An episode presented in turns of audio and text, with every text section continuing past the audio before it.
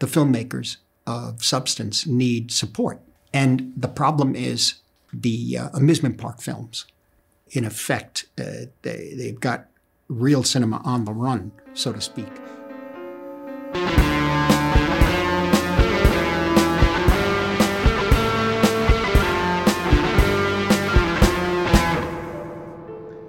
Hej och välkomna till Demonpodden! Podden där vi nu för tiden talar om filmer av kvinnliga filmskapare. Jag heter Kalle Färm och med mig som alltid har jag Björn Waller. Hej! Olof Ekström. Hej! Och Aron Eriksson. Hej!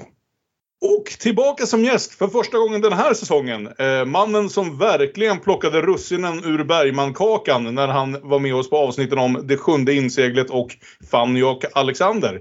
Fredrik Jag Adolfsson! med på skammen också, kom jag på. Ja, så fortfarande. Ja, det håller. Russinen ur Bergmankakan. De tre bästa. Hej! Hej Fredrik, vad roligt att få se dig igen eller höra dig igen eller vad vi nu säger i sådana här sammanhang. Det är roligt att vara tillbaka. Och nu är det äntligen dags att ta tag i det här som väl hela filmvärlden har diskuterat eller försökt låta bli att diskutera men knappt kunnat undvika oavsett man vill eller inte det senaste decenniet. Nja jävlar, närmare 15 år. Marvel-filmer. De är populära, så långt kan vi säga att vi håller med varandra. De finns överallt, så det kan nog ingen förneka. Men vad tycker vi egentligen om dem? Där kanske åsikterna går isär och också hur har de förändrats från att Marvel var en ganska liten filminstans som tillät eh, använda sina serier för att göra filmer om på lite olika sätt och med lite olika tankar bakom till nu när allting är otroligt enhetligt och del av ett samlat universum så som många av er säkert vet. Så för att peka lite på de skillnaderna tänkte vi prata om Alexia Alexanders Punisher Warzone och den alldeles nysläppta, får man väl fortfarande säga, Black Widow regisserad av Kate Shortland. Vi tänker så här att det finns en viss risk att diskussionen om Black Widow som säkert kommer bli en större diskussion om hela Marvels cinematiska universum som helhet kan spåra ut lite både i längd och i fokus. Så vi sparar det till sist så vi inte har en hel film att diskutera efter det. Utan vi börjar med att fokusera på Punisher Warzone. Tredje gången vill jag säga som karaktären The Punisher försökte bli film. Efter att ha spelats av både Dolph Lundgren, Sveriges stolthet, och senare Thomas Jane i två filmer som inte jag har sett. Vi kom ju in på den här filmen en gång tidigare när Björn valde den som sin gissa, gissa den tredje till, till jag gissar att det var avsnittet om Buffy och Tankgirl. Jag tror det var det faktiskt ja. Ja. Det jag kom på i efterhand att jag skulle ha valt Debs men eh, jag körde på den här istället. Vad, vad, vad, säger du Björn? Jag känner någonstans att det är du som har fört in Punisher Warzone på diskussions, på disku, till diskussion flera gånger om här. Bortsett från att såklart det här är de enda två Marvel-filmerna vill jag säga, eller Marvel-kopplade filmerna hittills som är regisserade enbart av kvinnliga regissörer. Captain Marvel var ju en sån här film som hade två regissörer, en manlig och en kvinnlig. Jag tror det stämmer så det gör ju dem liksom ganska självklara för just den här podden. Men annars, vad är det som gör Punisher Warzone till en film som du tenderar att föra på tal då och då? Punisher Warzone är en sån där film som smög sig på mig. Jag hade faktiskt sett den någon gång när den kom ut tror jag och tänkte väl inte mycket mer på det. Sen för några år sedan så hade ju eh, när jag började lyssna igenom den utmärkta podden How did this get made så gjorde de ju ett specialavsnitt där de bjöd in Lexi Alexander och pratade igenom eh, filmen. Det är inte den sortens eh, avsnitt det här, eh, den podden brukar göra om man känner till den utan de brukar mest snacka skit om filmen. Men just den här filmen älskade de och lät henne liksom prata i en timme om hur hon gjorde filmen. Leta upp det avsnittet för det är väldigt värt att höra. Hur som helst så eh, jag såg om filmen och upptäckte något helt annat i den. Speciellt efter att det då hade varit några år med MCU och så vidare. Att jag liksom kom på att vänta nu, så här brukade man ju faktiskt göra superhjältefilmer en gång i världen. Om nu Punisher kan kallas en superhjälte, det är väl en fråga. Kontrasten mellan den och hela MCU-grejen blev så väldigt stark då tyckte jag. Mm. Jag ska inte säga att jag tycker att det här är en fantastisk film. Det är inte min favoritfilm på något sätt. Men jag tycker det är en film som för att snacka med Ash i Alien, I admire its purity. ja, det var väldigt kul att vi äntligen, eller att jag äntligen fick se hela den här filmen. För jag har sett eh, delar av den ganska många gånger när jag har druckit öl. För den är ju härlig att ha på. Ha ha ha, nu sköt han sönder ett huvud till. Men jag har aldrig varit med hela filmen tidigare. Han skjuter ännu fler huvuden när man ser hela filmen. Fredrik, du som får komma in här och leka lite, vad ska vi säga, resident eh, serietidningsexpert då, ja, om vi pratar mer om liksom serietidningar som serietidningar, inte serietidningar som film. Va, vad har du för historia med just The Punisher, om du har någon? Ja, det, det har jag till den mån att jag har läst honom i, i ganska många år. Det fanns en riktigt bra miniserie. Eh, jag tror det var hans första e- soloserie. Eh, någon gång på 80-talet som, som jag fortfarande tycker, tycker håller. Och han har i, i perioder varit något av en favoritkaraktär även om det de senaste åren inte...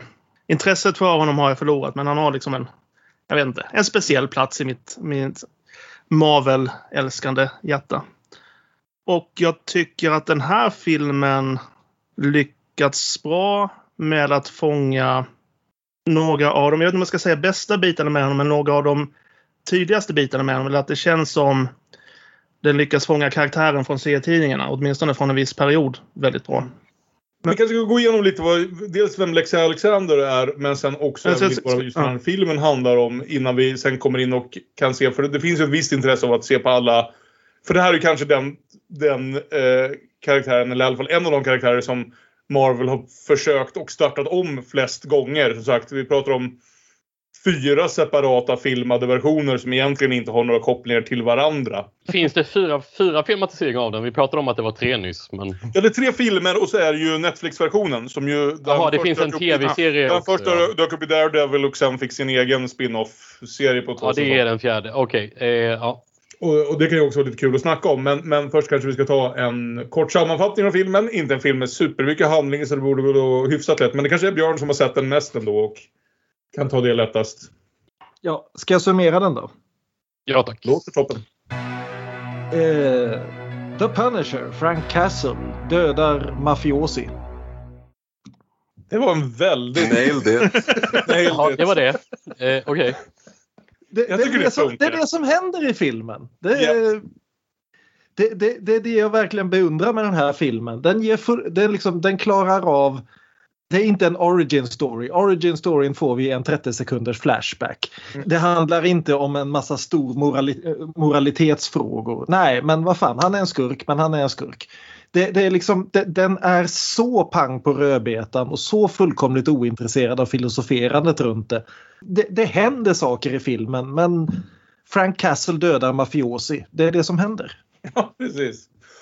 Och som vi nämnde, den är regisserad av Lexi Alexander som ju egentligen inte är en regissör som har gjort supermycket. Hon gjorde Green Street Hooligans kommer jag ihåg med Elijah Wood och, och vad han heter, Charlie Hunnam, Sons of Anarchys, Charlie Hunnam som jag såg någon gång när det begav sig men inte på säkert 15 år.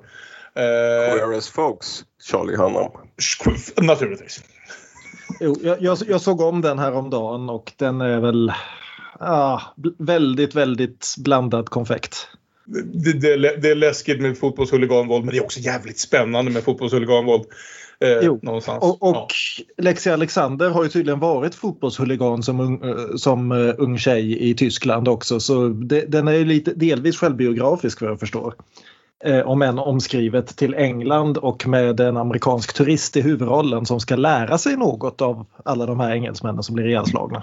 Hon har också varit världsmästare i kickboxing, vilket jag bara nämner för att det är intressant för den. För det här är kanske den mest rättframma actionfilmen som vi sett hittills i den här serien om liksom kvinnliga regissörer. Den som väl kommer i närheten är Tank Girl och, och eh, Near Dark, tänker jag. Mm. Och den här har betydligt mer action än båda de två gemensamt. Och tro, trots det så har hon, hon säger i alla fall det själv att hon har medvetet försökt att välja bort allt för actionrelaterade projekt. Okej. Hon gjorde sig ju lite grann känd som en svår kvinnlig regissör när hon gjorde just Punisher vilket väl inte har hjälpt hennes karriär någonting. Tyvärr. Hon har varit ganska frispråkig runt det också.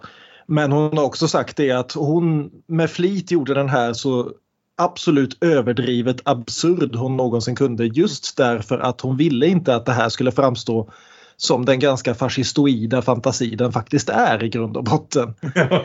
Eh, hon, hon ville inte att den skulle gå att ta på allvar.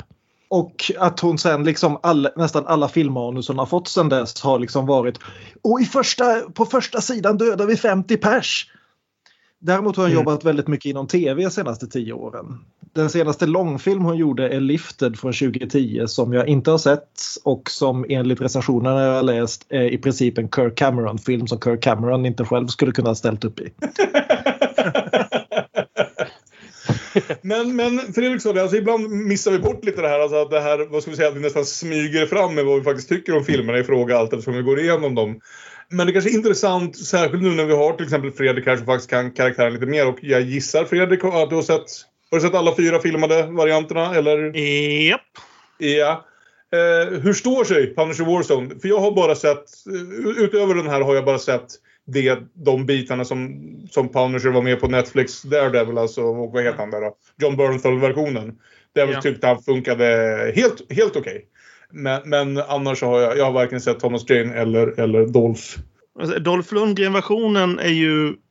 Det, det, det är lite vad det är stretch att kalla honom för, för Punisher. Och även om jag har för mig att jag fann den underhållande när, när det begav sig. Så nej, det är ju ingen bra film. Det är en väldigt typisk 80-tals B-actionrulle. Av långfilmerna så tycker jag Thomas Jane är den bättre filmen. Även om... eh, Ja, fan Fredrik. Det var ju den tråkigaste filmen någonsin. Jag har ett vagt minne av att John Travolta spelar golf. Det är ungefär vad jag minns. Ja, fast filmen i sig, det är också en koppling till, det blir en viss serietidningskoppling här. Filmen i sig hämtar väldigt mycket från en väldigt underhållande run av serietidningen. Mm. Som kom inte så många, eh, så många år innan dess. Så det är möjligt att jag finner lite, liksom, lite förtjusning där.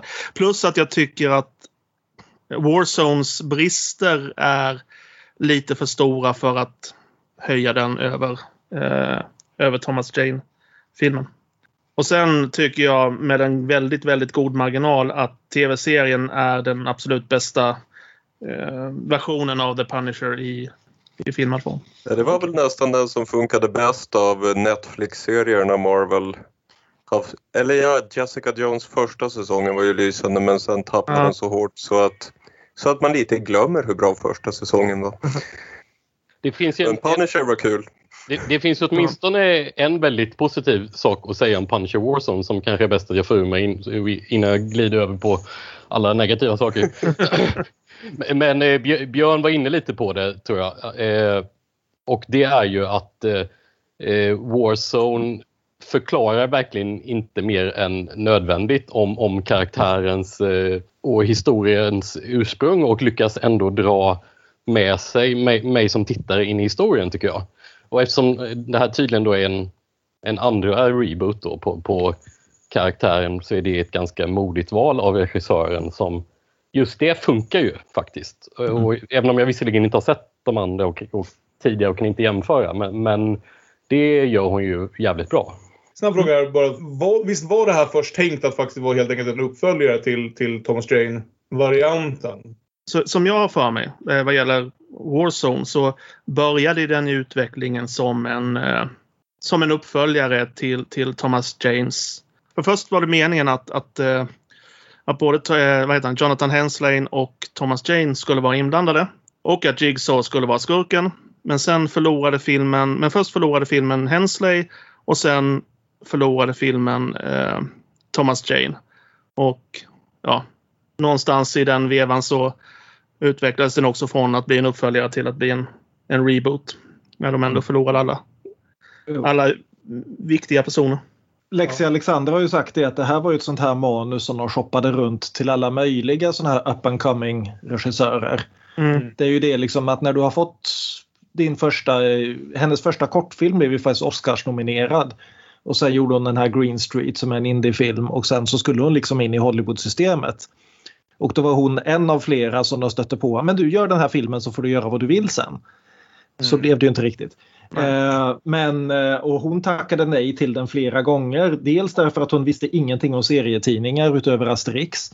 Och dels därför att hon tyckte liksom att nej men, låt någon som faktiskt älskar serietidningar göra serietidningsfilmer. De sålde henne på det med att säga att men tänk om du vore den andra kvinnan någonsin att regissera en actionfilm. Det vore väl en grej. Alltså det lilla jag kommit i kontakt med The Punisher är väl också i viss del för att jag inte riktigt finner honom så tilltalande. Att jag, lite, jag kom in så pass sent på både serietidningar och serietidningsfilmer så hela den här mörka, mer fascistoida, liksom eh, eh vigilante grejen var lite lätt, mot, inte motbjudande ska jag inte säga, men inte så tilltalande i alla fall. Så att jag någonstans valde bort just Punisher ända tills han dök upp i Daredevil som jag redan tittade på av andra anledningar. Men det ändrar ju inte att man kan ha lite kul med hur många huvuden som exploderar i den här filmen. Och det är ju så här att det samtidigt är en film som är fylld till bredden med såna här skådisar som man kanske inte är superstjärnor på något sätt men som allihopa är så här, ah, men det är ju han! Inklusive typ så här, tror jag, fyra britt eller irländare som tar i från bara knäna för att göra sina värsta New York-dialekter överhuvudtaget så verkar de ju ha satt som en regel att ingen får göra sin egen dialekt. Du, du, du har Dominic West som spelar italiensk-amerikan.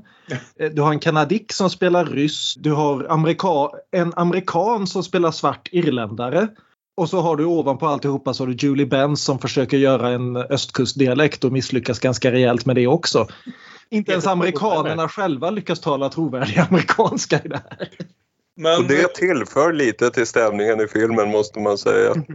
Hela den här filmen är ju långt över alla gränser på ett väldigt roligt sätt.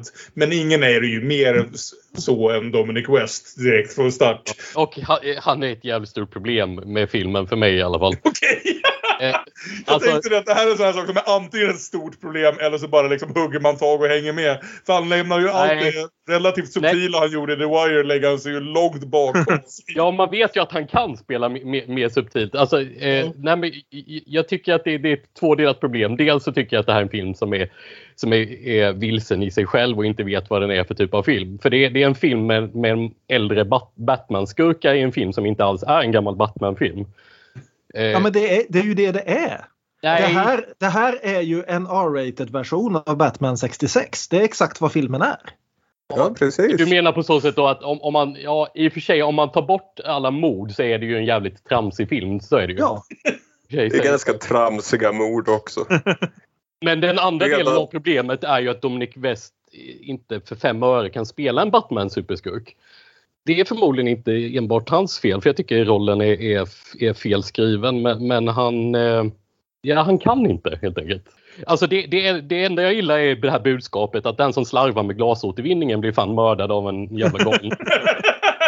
jag, tänkte, jag, jag är ganska mycket på, eh, på Olofs sida här faktiskt. Att mm.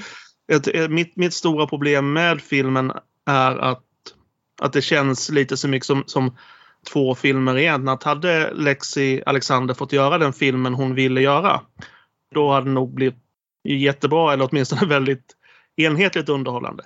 Hade bolaget fått den film de ville ha så hade det kanske kunnat bli en bättre film. Två olika inriktningar som inte riktigt eh, kan samsas här, tycker jag. Den stora skiftningen som MCU har gjort, och vi kommer komma fram till det, är att superhjältefilmer i mångt och mycket brukade handla om skurkarna. Särskilt om man tittar på liksom Batmans 90-talsutbud där hela grejen hela tiden var oh vilka skurkar får vi den här gången och vilka jävla skådisar ska vi hitta och spela dem. Medan att när MCU startar igång så är de så fullkomligt inne på att vara fullständiga liksom karaktärsuppbyggnader av sina hjältar att skurkarna oftast blir en eftertanke. MCU ja. har haft ett par bra skurkar men det är ju mer vad heter undantag än regel definitivt. Ja men det är en intressant vinkel i och för sig. Ja. Och, och, och, också det här att i väldigt många superhjältefilmer de senaste 15-20 åren så har du liksom varit väldigt noga med att vi ska inte vara fåniga. Det får inte vara fånigt. Serietidningar är mycket men fåniga får de absolut inte vara. Och bland det första som har rykt är just skurkarnas namn och eh, utklädsel. Ja, det är liksom, du, du, kan efter Joel Schumacher så kan du inte ha en Batman-skurk längre. Nej. Så, så de liksom, istället för att använda sina kodnamn så använder de sina förnamn istället eller någonting. eller in, inga namn överhuvudtaget. Och här har du Dominic West som dels har liksom världens jävla makeup-jobb och dels stolt förklara sig inom 10 sekunder. From now on, you call me Jigsaw. Och detta, och detta är alltså fyra år efter att Så hade premiär. Ja, exakt. Jag vill bara flika in på grund av, apropå tramsiga superhjältefilmer att jag älskar ju eh, 60-tals Batman och de tramsiga skurkarna och jag, jag tycker nog om tramsigheten i, i de här tidiga 00-tals Spiderman. Jag gillar bara inte Tobey Maguire speciellt mycket. Så jag tror inte att tramsigheten funkade riktigt för mig i, i den här filmen bara. Härligt talat så är det väl där någonstans. Det är väl de tidiga X-Men-filmerna där och sen Sam Raimis första två Spiderman-filmerna där börjar ske någon slags övergång att oj, vi kanske kan ha hjältar och skurkar som är intressanta i samma film. Vad tror ni om det?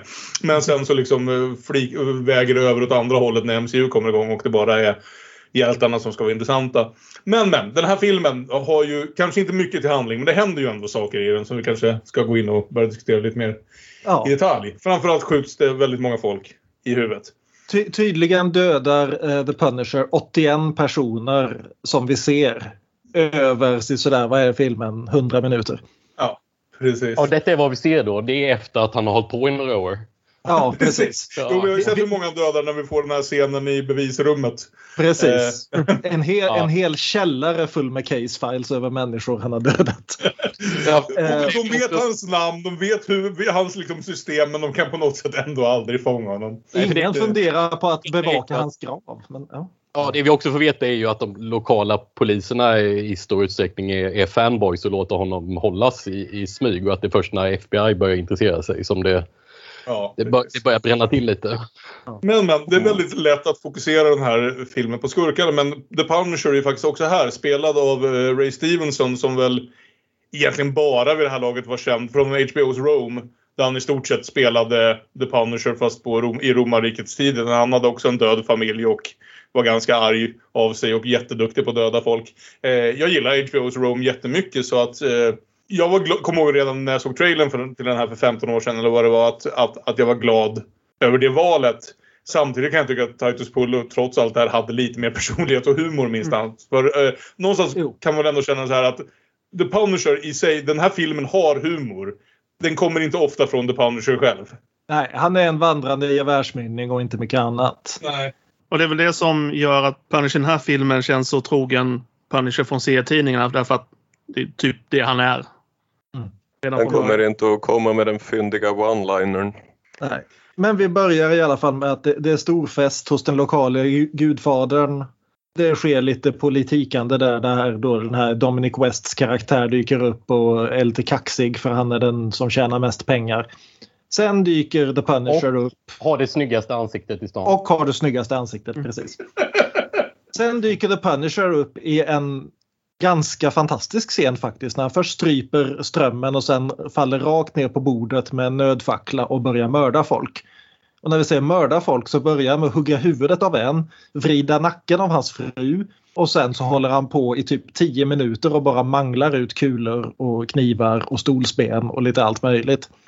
Han hänger upp och ner i takkronan med ett maskingevär i va- var hand och skjuter vilt omkring sig när han snurrar omkring. Mm. Ja, Och- och- man myser ju i stora drag redan från början. För min smak som, vad ska vi säga, actionfantast i någon bemän- bemärkelse så är det lite för mycket CGI-blod men man blev ju ändå glad efter, vi kommer komma in på det här med Black Widow, efter 15 år med relativt tama actionscener i MCU-filmer så känns det väl snarare som att det är John Wick som har plockat upp den här facklan. Ja. Och, på att Och man känner ju direkt här att det här är inte en film där man kan ta något på allvar. Huvuden kommer att explodera. Tror ni att den där hänga upp och ner i takkronan-strategin någonsin har fungerat i verkligheten? Eh, Sist jag testade var det ett fiasko.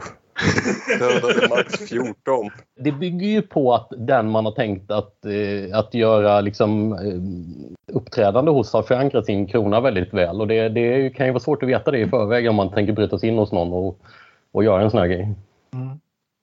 Det hade varit väldigt pinsamt ifall han hade rasat ner mitt i allt. Ja, det hade blivit en kort... Eh, De- Deadpool hade ju gjort det kan man säga. Ja, exakt. Ja, det är exakt. För det är det som är intressant här. Att komedibitarna här är ju allihopa lämnade åt skurkar och sidekicks. Medan The Punisher Mm. själv är så seriös. Även på sådana saker. Liksom, han, gör, han, eller han gör stora jävla misstag. Men han gör allvarliga misstag. Han gör inte klantmisstag och snubblar på tröskeln på väg ut. Liksom. Men, men vi kommer ju till, liksom, vad ska vi säga sen, hans stora misstag som kickstartar själva handlingen. Nämligen att han har mördat hela det här slottet, höll jag på att säga, The Mansion. Så följer han efter dem ner till hamnen. Och där ser han någon som ser ut som en skurk så han skjuter ju den personen för att han är the Punisher, det är vad han gör. Men aj, aj, aj. Det var en agent. FBI-agent, precis. Ja. Och det är inte så att han bara skjuter en person utan han invaderar alltså här en lagerlokal full med sådär 30 olika mafiosi och skjuter ihjäl dem allesammans. Förutom då eh, Dominic Wests karaktär som ra- istället ramlar ner i en glasåtervinningsmaskin. Och i, i typ fem minuter bara dras runt, runt, runt därför att The Punisher slår på den här crossfunktionen i den. Och av någon anledning överlever det för han är en, han är en superskurk. Men så det är inte bara FBI-agenten han skjuter, han skjuter väldigt många här. Men, det men viktiga det- är att en av dem var en snäll person för alla de här andra var filmskurkar som inte hade någon som helst familj eller andra saker att tänka på utan bara var värda att dö. Nej, Rätt upp och skurk, skurkar har aldrig det. Är det, det. Så är det. Av de andra grejerna som stör mig när det gäller, när det gäller handlingen så just det här att han att han påverkas så mycket av FBI-agenten tycker jag ändå känns lite, lite konstigt. Jag pratade om senare i filmen om att han har utrotat flera stycken, liksom hela maf maffiafamiljer eh, de senaste åren. Så det här, den här snubben är ju inte var den första undercovers-polisen som, som eh, Punisher har råkat döda. Skulle han, skulle han nu ha råkat döda någon som påverkar honom så hade jag gärna sett att det varit någon lite, ja, men lite mer, eh, att det varit mer tydligt eller att det varit liksom en mer tydligt oskyldig person eller ett barn. Ja, eller, Nej, men jag, jag kan förstå vad du menar. Det är väl det, det, är väl det som offras då i, i att man spenderar så extremt lite tid på, på exposition. Vil, Ja. vilket, jag, vilket jag till stora delar gillar ändå som jag sa. Men, men eh, ja visst, det går ju lite snabbt. Då, eftersom vi inte vet något att, egentligen om vad som har hänt tidigare så går det ju lite snabbt att han tar så himla illa vid sig. Det är svårt att inte hålla med Fredrik när han säger att han vill se Punisher döda barn. Mm. Men sen så går han på begravningen för den här. Alltså det är otroligt roligt hur det här att The Punisher är en, om vi nu ska använda ordet superhjälte, som aldrig har en hemlig identitet. I och för sig någonting som MCU också fullkomligt sket i. Eh, under stora delar av sitt. Men att alla vet precis vem The Punisher är och ändå göra sådana här saker som att dyka upp på begravningen. Eh, Och, och sen sitta vid sin frus gravsten en lång stund och gråta som är typ fem meter ifrån den här begravningen full med FBI-agenter. Ja, precis. Hur som helst, den här döda FBI-agentens fru spelas av Julie Benz som var alla sociopatiska vigilantis favorittjej på 2000-talet. För dels var hon såklart en favorit för allas vår Angel spelad av David Boreanaz. Sen så var hon såklart Dexters fru slash eh, flickvän medan han mördas igenom hela Miami. Här är hon med The Punisher och samma år så är hon även en missionärstjejen som inspirerar John Rambo att börja döda igen. Mm. Så eh, Julie Benz, alla sociopat, eh, sociopat-vigilantes gillar henne. Precis, och om vi ska räkna liksom antalet människor som Punisher dödar här skulle jag vilja se en räkning på alla som Julie Benz har inspirerat folk att döda. Exakt! Och, så, och vi, trä, vi träffar också Paul Bodjanski spelad med en inte helt övertygande amerikansk accent av Colin, Sa- Colin Salmon. Herregud. Som då, Colin- som då är den här dödade FBI-agentens partner. Och Ja. nu ska Mm. se till att det blir ordning på torpet och den här jävla Frank Castle ska fångas in en gång för alla. Ja, herregud. Hans jävla dialekt. Och överhuvudtaget, eh, det är någonting med Colin Salmon där jag bara sett honom i såna här filmer som bra eller dåliga får klassas som B-filmer. Som, jag tycker han ger en viss en B-film lite cred vid det här laget. Ja, men här kommer Colin Salmon och kommer göra någonting väldigt överdrivet. Brukar jag tänka. Vi blir också presenterade här för, för det är ju den här fasen när man ska introducera alla karaktärer och som sagt Lexi Alexander spiller ingen tid på att liksom ge oss någon lång historia eller backstory utan vi bara får omtalat den här personen är den här personen och har det här förhållandet till den här andra personen. Frågor på det? Nej? Bra, då kör vi. Och eh, vi får då träffa en av The Punishers få kompisar spelad av Wayne Knight. Newman! Ja, Som Äntligen. fan mig gör en av de bästa insatserna av alla i den här filmen. ja men eller hur. Det är, och, och jag skulle gå så långt som att, som att säga att han är den enda skådisen som riktigt funkar i den här filmen. Men Han är skitbra ju. Absolut, Wayne Knight är den enda som faktiskt försöker göra något som ni vet ska fungera som allvarligt skådespel. Dessutom lite taskigt att han fortfarande blir kallad för tjockis efter, efter att alla vi som har sett Seinfeld kan se att han typ har tappat halva sin kroppsvikt. Och lagt på sig ett litet skägg också. Så, ja. Det var inte så mycket mer att säga förutom då att vi också då till slut får en scen där återigen serietidningslogik. Det har gått ungefär 48 timmar sen eh, Dominic West maldes ner i en glaskvarn och han är nu inte bara släppt av polisen, oklart varför, utan han har också hunnit få plastikkirurgi som ska återställa ansiktet. Av för någon anledning, trots att läkaren förklarar att du blev helt söndersliten, du har ingen hud kvar någonstans, så är det bara just ansiktet som behöver fixas. Händerna inga problem alls, de eh, mår hur bra som helst. Eh, och ansiktet så ser han nu ut som ett illalagt pussel och han kallar sig därför för Jigsaw. Han är delvis häst. Ja. Tyckte jag var en extra rolig detalj. Delvis häst. Alltså, de, har, de har tagit en häst för att återskapa hans ansikte då. Ja.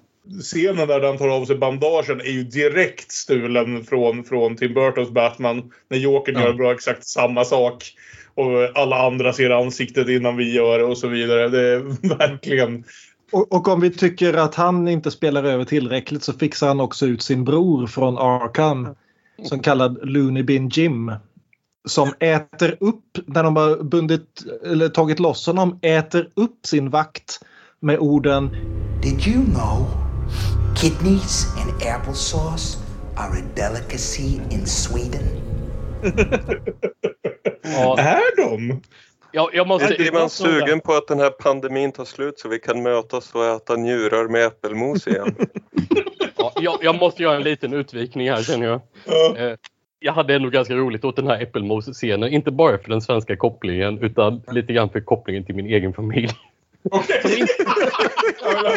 Vems nu? Okej, jag visste att smålänningar inte var... Som min familj inte, Inte alla smålänningar!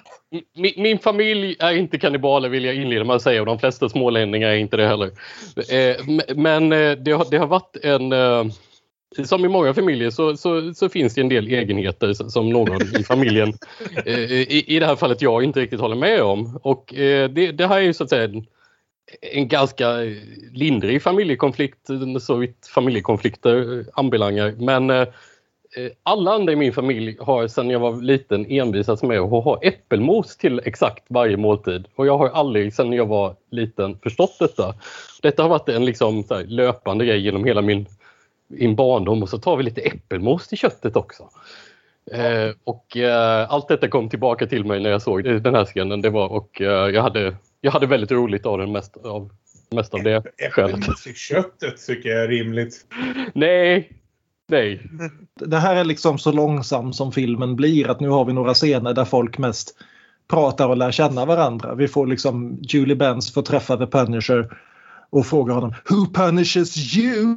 Och så var vi klara med den frågan liksom om Who watches the Watchmen och vilken, vilken, vilken rätt har supermänniskan och så vidare. Det, det är ju avklarat så. Nu har vi ställt frågan, vi behöver inte besvara den. Sen kommer ju en till scen med Wayne Knight där The Punisher för en gångs skull får vara lite den man skrattar åt. För um, Wayne Knight har ju en assistent som är någon slags småkriminell. Inte helt kriminell längre. Han hjälper nu Wayne Knight att ta emot vapen från kriminella och ge dem till Punisher. Punisher hård och rätt fram. Jag har aldrig träffat någon som har slut, någon banger som har slutat i det livet. Ni är för korkade, säger han just när han lämnar in sin avskedsansökan och promenerar ut mörk och mäktig och kommer tillbaka fem sekunder senare. Okej, en sista. Three, two, one.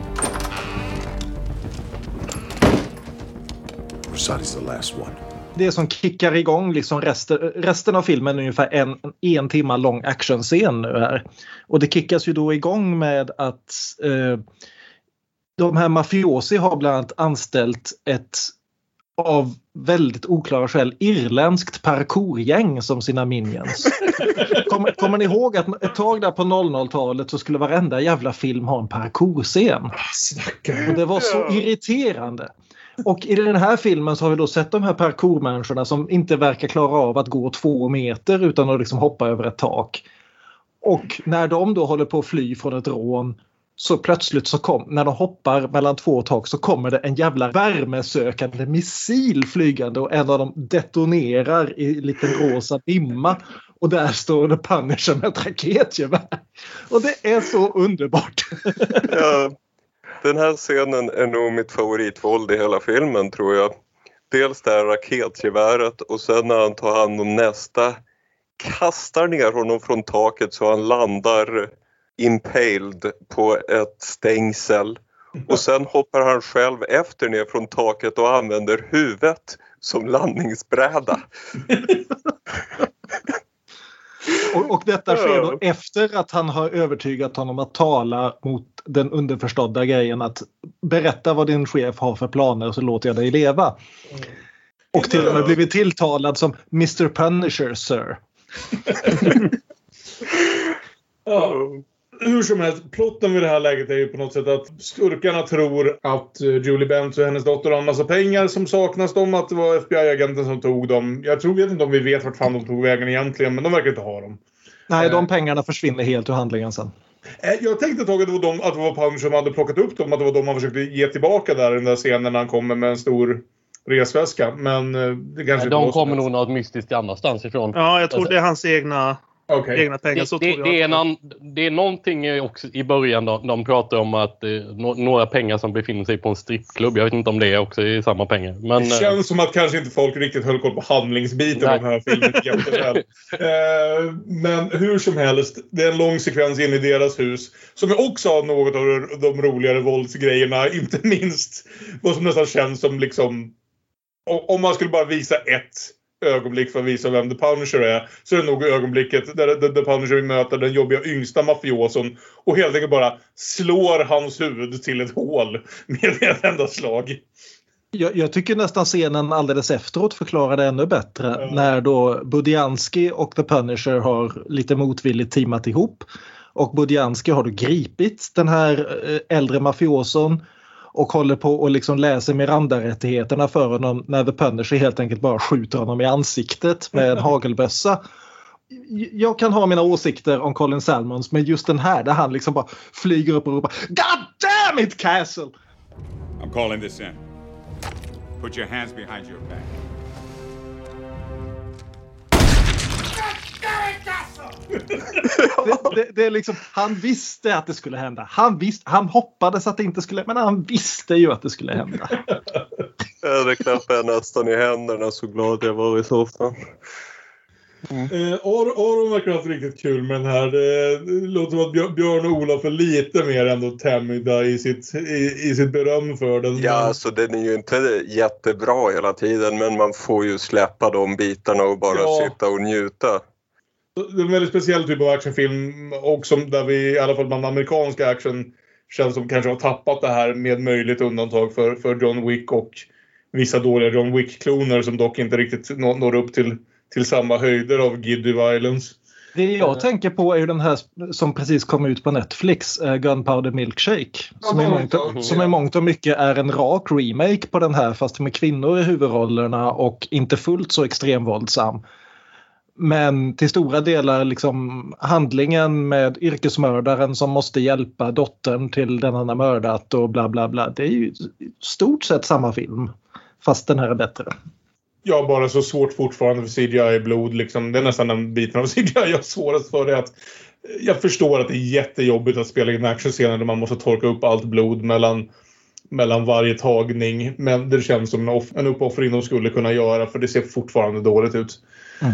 Vi kan hoppa över lite smågrejer. Det, det, det jag vill nämna här är att de kidnappar i alla fall eh, Julie Benz och hennes dotter. Och eh, Jigsaws brorsa hugger sönder den här gangbangaren eh, Wayne Knights kompis med en yxa men han lever fortfarande när The Punisher kommer tillbaka. Och The Punisher säger åt honom Don't you dare die on me och rycker ut yxan ur bröstet på honom så revbenen flyger. Det är smart. Yeah. Eh, Jigsaw behöver ju kanonmat så han rekryterar ju vartenda gäng i hela, hela New York. Och vartenda gäng i hela New York består av ett svart gäng som har liksom, alla har exakt likadana baseballkepsar och hiphopbyxor. Ett japanskt gäng som har en stor liksom, symbol i neon på väggen. Och ett irländskt gäng som har en stor jävla fyrklöver i neon på väggen. Jo, men det är ju jätteroligt och jag tycker deras lite uppkäftiga attityd. Vi behöver en armé. Vi gör som armén. Värvar soldater i utsatta områden. Ha, ha, ha.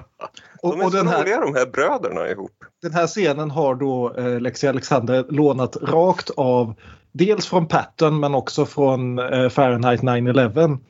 Nothing is subtle, men eh, det, det är väldigt, väldigt mycket som är kul här. Jag vet inte om det är så mycket mer att säga annat än att det är den typen av film som mördar en gammal tant bara i förbifarten. Bara för att vi, liksom, vi hade kunnat helt ignorera vad som hände med den gamla tanten. Men nej, där sitter hon utan ett huvud. Eh,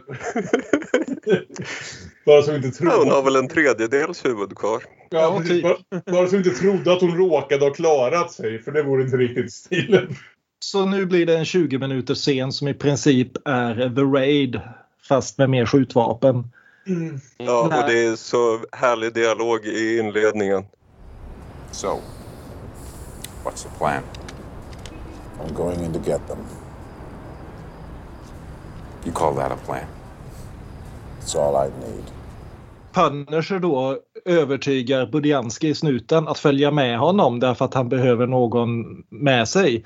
Men sen så när de väl kommer fram så knockar han Budiansky för det här ska inte du behöva göra. Det skulle du inte bara inte sagt till honom. Alltså som, som eh, variant på The Raid så, så funkar det väl åtminstone delvis. Jag, jag, jag gillar att eh, inkräktaren i Punisher Warzone har ett, har ett syfte och en akut tidspress för att ta sig till bossen högt upp i huset och att det är något jag som tittare ges information om.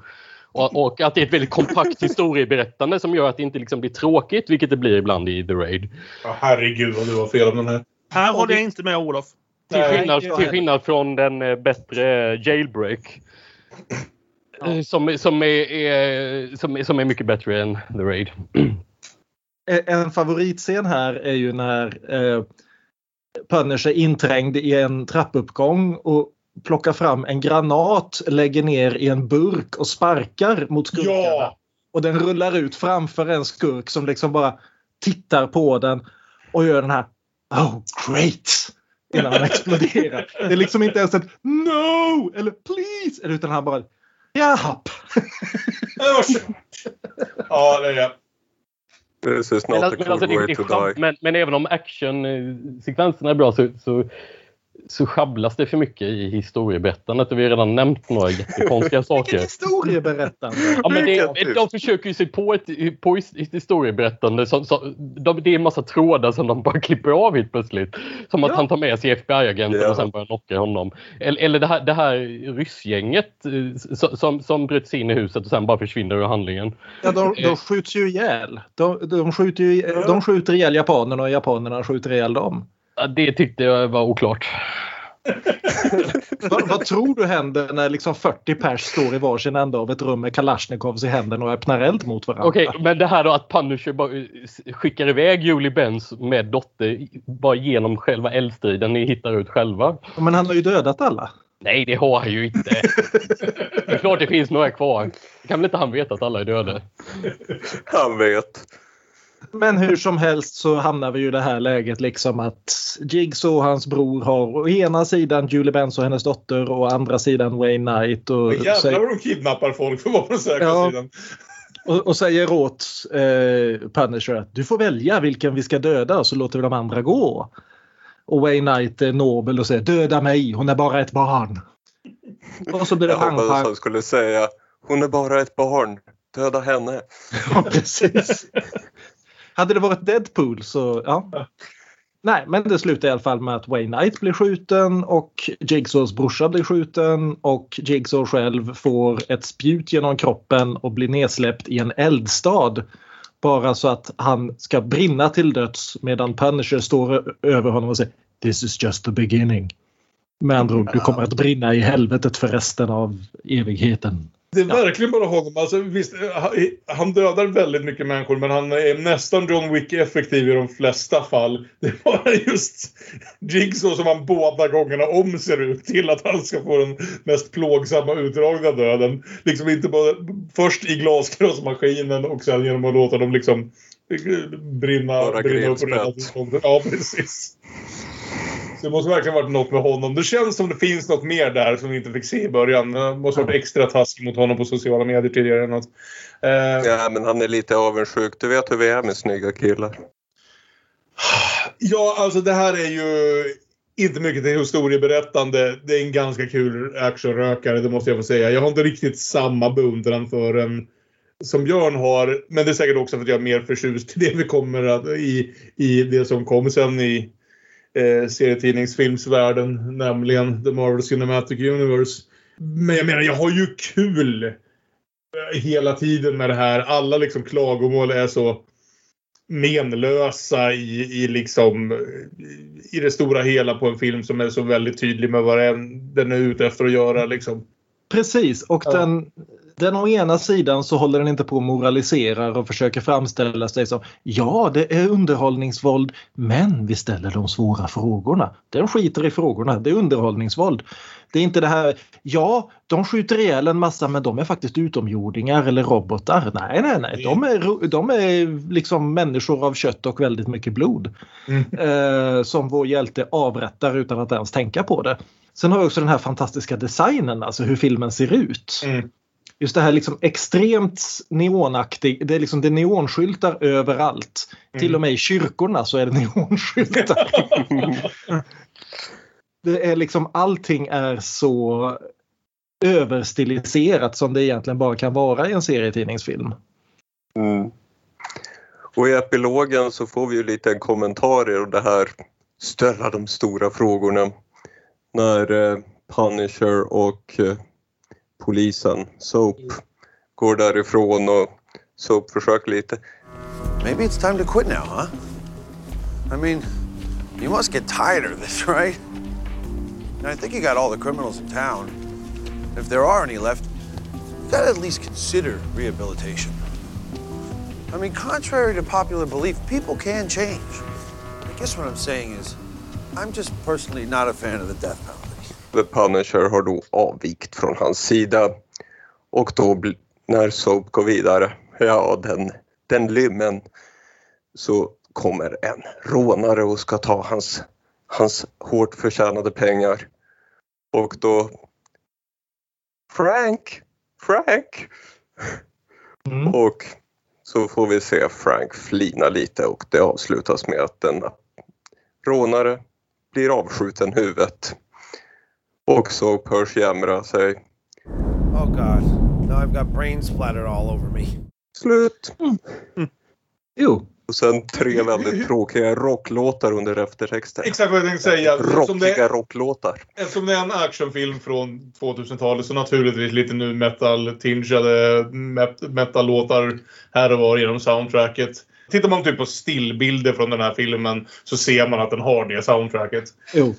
Och, och, och det konstiga är att original-soundtracket som ju inte är det som Lexi Alexander ville ha utan studion kastade ut hennes eh, soundtrack och ersatte det med det här orkester-soundtracket. Därför att de trodde att den här filmen skulle nog kunna liksom konkurrera med eh, vad, vad heter den eh, första Batman-filmen?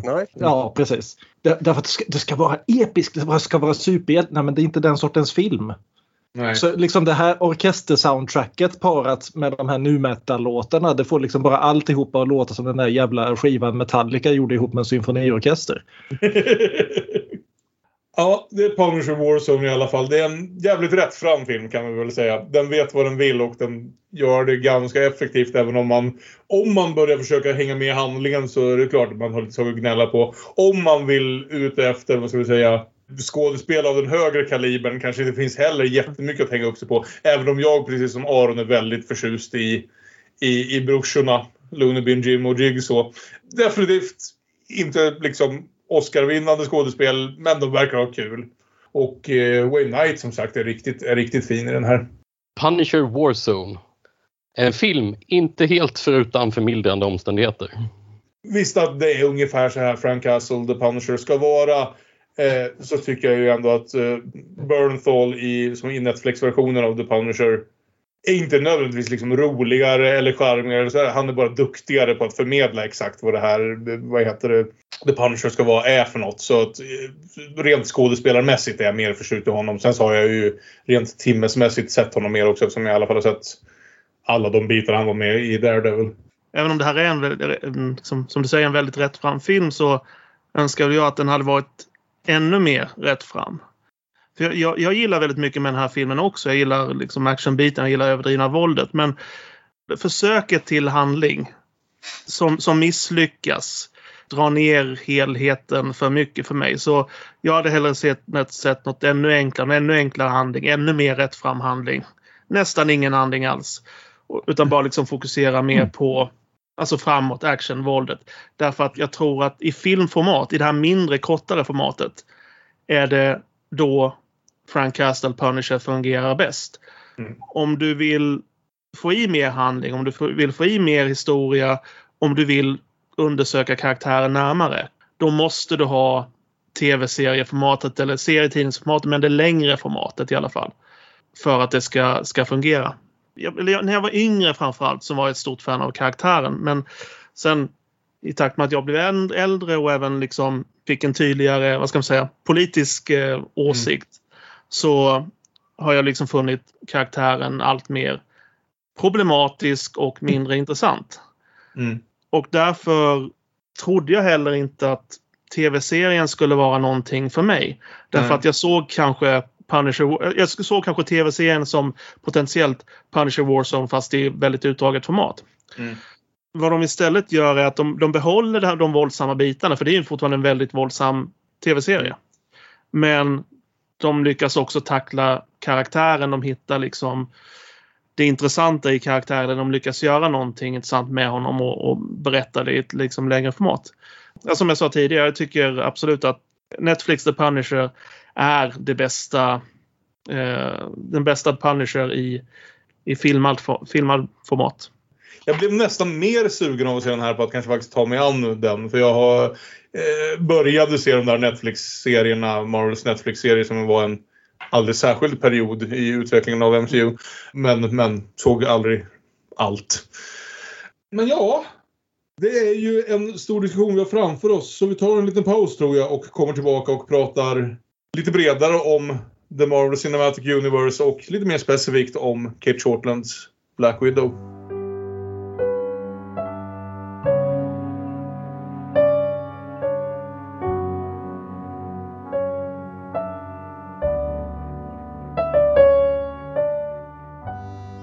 Välkomna tillbaka från pausen och vi är redo att ta oss an en, den stora diskussionen får man väl ändå säga i filmdiskussion det senaste decenniet plus några år till. The Marvel Cinematic Universe som i någon bemärkelse har tagit över blockbusterfilm i alla fall helt och hållet och hur förhåller oss till det? Jag vågar säga på rak arm att jag tror vi har två fans med oss och även en, en eh, vad ska vi säga, motståndare. Eh, men jag tycker att vi går lite varvet runt innan vi startar diskussionen om eh, Kate Shortens Black Widow som ju är den 25 och senaste MCU-filmen. Försenad med mer än ett år på grund av pandemin.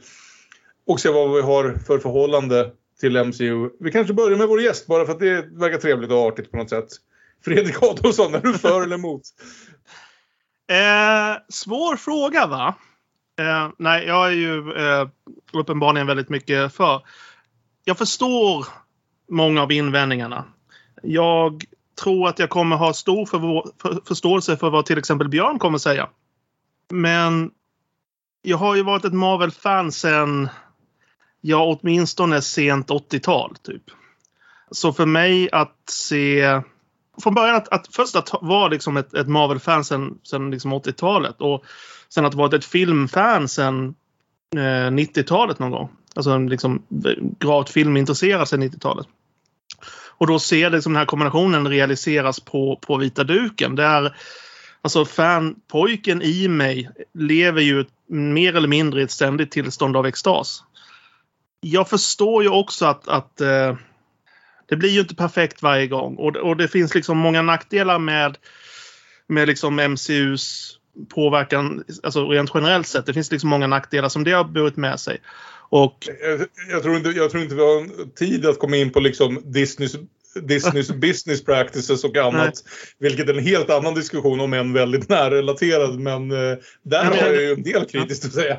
Vi kan ju ja, nämna jag, att just, just idag när vi spelar in det här så är det en stor artikel i The Guardian angående just det här att författarna eh, till många av de här serietidningar eller seriestoriesarna som filmerna baseras på får i regel en liksom belöning på 5000 dollar och en biljett till premiären på filmer Om som drar in cirka 20 miljarder. Och det är ju liksom, och det är en, och det är en, en, en, liksom en diskussion i sig som egentligen går ännu längre tillbaka, inte bara till liksom filmerna utan även till hur skapare har behandlats mm. När det gäller att skriva serietidningarna, även liksom innan filmerna, eller om man mm. bortser från filmerna. Men även liksom bortsett från hela den här liksom businessgrejen så, så är det klart att den här liksom typen av men det här liksom övertaget, eller att ha den här majoriteten att ha den här påverkan. Det är klart att inte det liksom alltid är positivt. För liksom det står hela ut rent berättarmässigt perspektiv. Eh, och även om man ser liksom film till film så har många av dem väldigt stora brister. Det, det köper jag också som filmfantast. Men Marvel-fanet i mig är fortfarande liksom jag är fortfarande oerhört förtjust. Eh, oerhört glad, oerhört peppad inför i stort sett varje ny Marvel-film som kommer upp på vita duken eller tv-serier som dyker upp på Disney+. Om vi fortsätter på den positiva eh, delen, tror jag i alla fall, innan vi går vidare bort och ser vad gnällhörnan har att säga. Eh, så eh, Aron, du har ju till och med skrivit en eller två saker om det här. Ja, just ja. Jag hoppas att ni alla lyssnare har köpt Iron Man vs Captain America and Philosophy utgiven på Open Court 2018 för att läsa kapitel 16 Would you buy a used car from this Avenger av yours truly.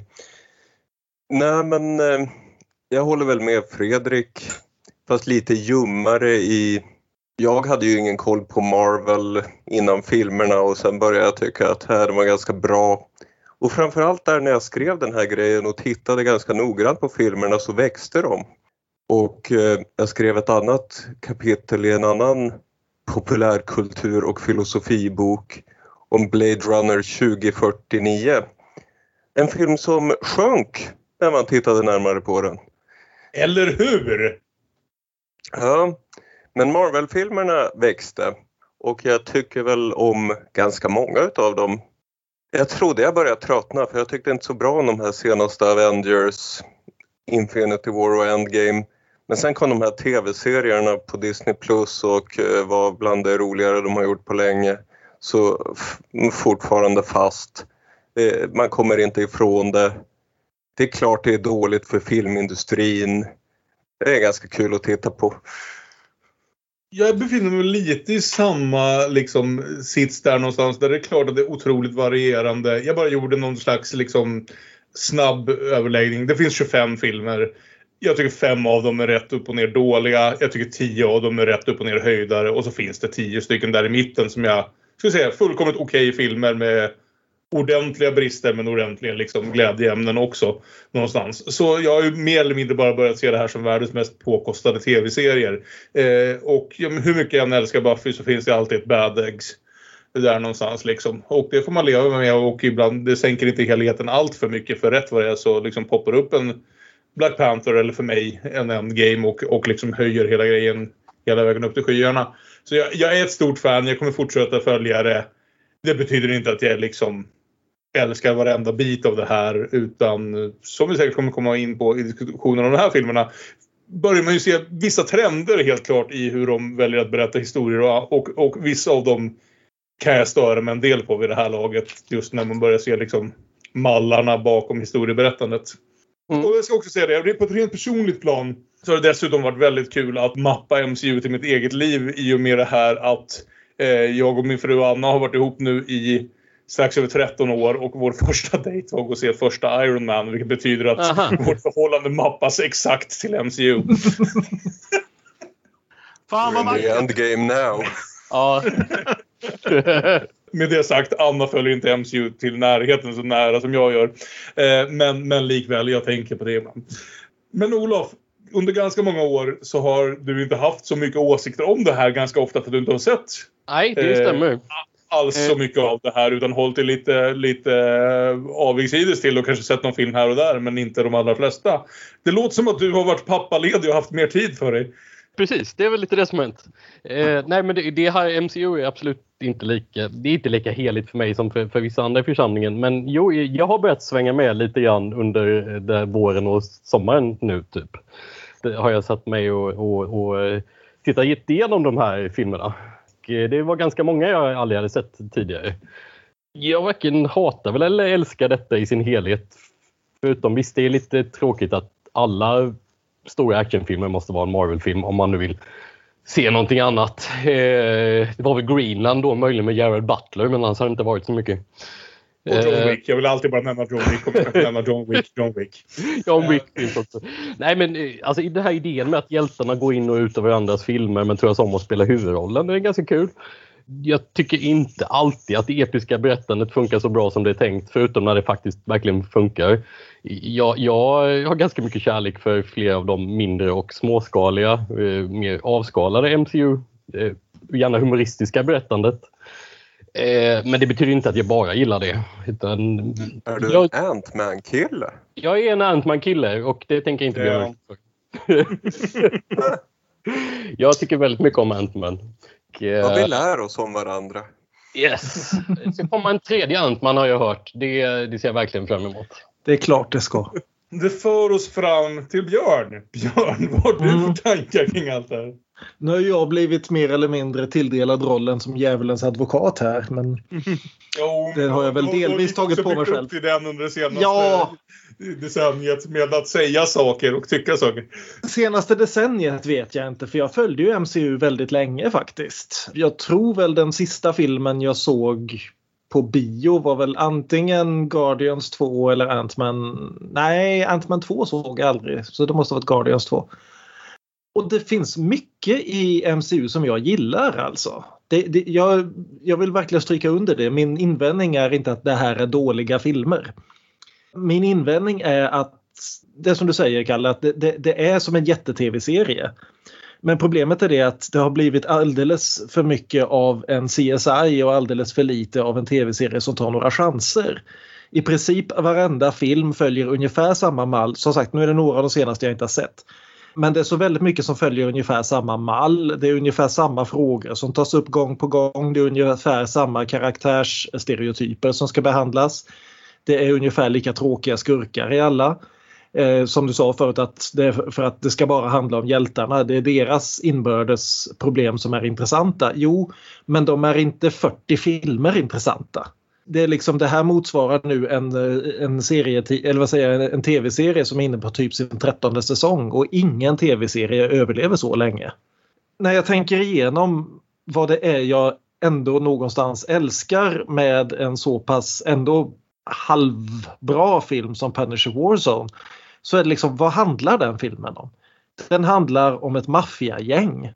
Så De har med någonstans där ett hot som ska kunna utplåna halva Manhattan men det klarar de av halvvägs in och sen handlar resten bara om att just den här enda kvinnan ska räddas. Medan däremot varenda jävla Marvel-film handlar om ett hot från yttre rymden eller från inre rymden eller vad fan som helst som ska utplåna hela mänskligheten och det kända universum. Och det är liksom, men här, sänk ambitionerna. Det är för stort. Det är för mycket. Jag orkar inte bry mig. Ja, Ant-Man. Ja, ja men, ja, jo, Ant. Ant-Man tyckte jag mycket om. Det, som sagt, jag tycker inte illa om de här filmerna nödvändigtvis. Några av dem tycker jag väldigt illa om. Iron Man 2. Men eh, Det är rimligt. det är liksom det är Spinal Tap-regeln här. Om du börjar på, med volymen inställd på 11 så kan du aldrig öka. Nej. Det, det blir bara samma sak om och om igen. Och sen framförallt det här att det här franchise-tänkandet och det här gigantiska budgeten som allting har. Det är liksom eh, MCU har nu blivit så stort så att det kan inte tillåtas gå åt pipan. Resultatet Ja. blir liksom att det här äter upp hela filmbranschens budget. Det äter upp en jävla massa talangfulla skådisar och regissörer som Kate Shortland som skulle kunna göra något annat istället för att bara upprepa det här jävla Iron Man 3-storyn för 20 gången. Ja. Säg någonting nytt! Jag håller med dig till viss grad. Jag tror just på regissörsplanen tror jag att ett sätt som alltid, som det gamla Steven Soderbergh-grejen, att det ger dem tillräckligt mycket pengar att sen ofta kunna satsa på något annat. För de flesta, med vissa undantag, är regissörerna inte återkommande. Många hoppar in, gör en film Ja, åt det är Marvel. bröderna Russo och några till men... eh, Bröderna Russo, Taika Waititi är inne på två. Eh, Ja. James Gunn. Ja. Eh, Whedon fick det? göra två och sen fick han inte göra något mer. Men, ja. Jag har en misstanke här nu efter att ha tittat lite på liksom rena pengasiffror och annat och att se den här våren nu när de här serierna på Disney Plus när Disney Plus har kört sina tre miniserier varav i alla fall två var väldigt väl mottagna och dessutom ska vi säga vågade svänga ut lite mer i formatet och i, i historierna mer än vad filmerna vågade göra. Att jag tror att det pikade rent ekonomiskt och som biofilmer för MCU med Endgame. Jag tror aldrig de kommer kunna nå det här igen. Utan jag nästan förutspår att de kommer naturligtvis att göra alla de här filmerna som liksom är under produktion, vilket är ungefär åtta till. Men frågan är om det här sen blir mer av en liksom Disney Plus-historia. Om streaming kommer börja ta över så mycket från, från biofilm att MCU kommer inte försvinna men det kommer i någon mån att försvinna som dominerande på liksom bio. Och mer och mer förflyttas över till streaming. Vilket då- jag skulle känna mig helt okej med. Och då får vi bara hoppas att de där pengarna som tidigare lades på biofilmer läggs på andra biofilmer och att inte hela businessen flyttar över på streaming. Exakt. Exakt. Och det är, Det är det som är den stora risken. Ja, och det är inte Ja, Disney precis. ensamt ansvariga för, men definitivt. Nej, nej, nej. Det, det är de inte. Men Disney äger uppskattningsvis 89% av amerikansk filmbusiness just nu. Så det är liksom det de gör. Det måste de andra Ja. göra. Jo, men det är ju så eftersom den andra stora, det är som att det finns bara två liksom, jätteföretag just nu och det är Eh, eller ja, tre. Eh, och det är Disney åt ena sidan som försöker balansera streaming och bio. Och det är Netflix som vill dra allt till streaming. Och så är det Warner som dessutom äger HBO. Som också försöker hålla någon slags balans i allting. Och vi är liksom inne på bara tre stora företag egentligen som skapar Hollywoodprodukter. Och, och som sagt, det är en helt annan diskussion. Men är också jävligt Amazon. Glöm inte Amazon. Men, Jag skulle, ja. jag skulle, jag skulle, jag skulle vilja eh, säga en sak angående, hade Björn eh, pratat om. Det är att faktum att även om vi kan verka befinna oss på två väldigt olika sidor av den här liksom för emot-skalan. Eh, så håller jag med i väldigt, väldigt mycket om vad, vad Björn säger. Alltså de problem som jag har med MCU i mångt och mycket är de som problem som också Björn har med MCU. Det är bara det att för mig så väger eh, de positiva bitarna över. Men om MCU skulle göra saker och ting annorlunda så skulle jag älska om de konsulterade Björn Waller. Och jag ska säga också just apropå det som vi har snackat lite grann om just nu att de här tyvärr nu nedlagda lilla Netflix-verset de hade som en appendix till MCU. Det var nästan min favoritdel av det. Jag tyckte om väldigt mycket av det som kom där. Just därför att det sänkte ambitionerna. Det handlar om en tjej som fightas mot alkoholismen. Det handlar om en kille som försöker hålla skurkarna borta från hans onkels eh, herrfrisör. Liksom. Det var något som var relaterbart till det på ett sätt som Thor inte är. Och då tycker jag väldigt mycket om Thor-filmerna. Ja, det som det sägs i den här filmen, liksom att inte fan behöver Thor ta en Ipren efter att han har fått en planet i huvudet. God chans för mig personligen att Jessica Jones säsong 1 fortfarande är det bästa som har kommit ur MCU. Ja, med det sagt så är det dags att mer specifikt då börja prata om Kate Shortlands Black Widow, den 25 Marvel-filmen, försenad med mer än ett år på grund av pandemin. Och en film som inte passar in. De allra flesta, ibland händer det att en film liksom sticker ut ur kronologin och den här filmen ska ju egentligen liksom slottas in mitt emellan, vad blir det nu då? Mellan Civil War och, och Guardians 2 tror jag. I, för, om de skulle passa in. De är just så illa tvungna därför att det har, det har tjatats på dem i tio år att ni måste göra en solofilm för en kvinnlig hjältinna. Ja. Och då kommer de inte fram till det förrän efter att de har dödat av Scarlett Johansens karaktär för att rädda livet på jävla bågskytt. Vilken fan! De har ju gjort Captain Marvel.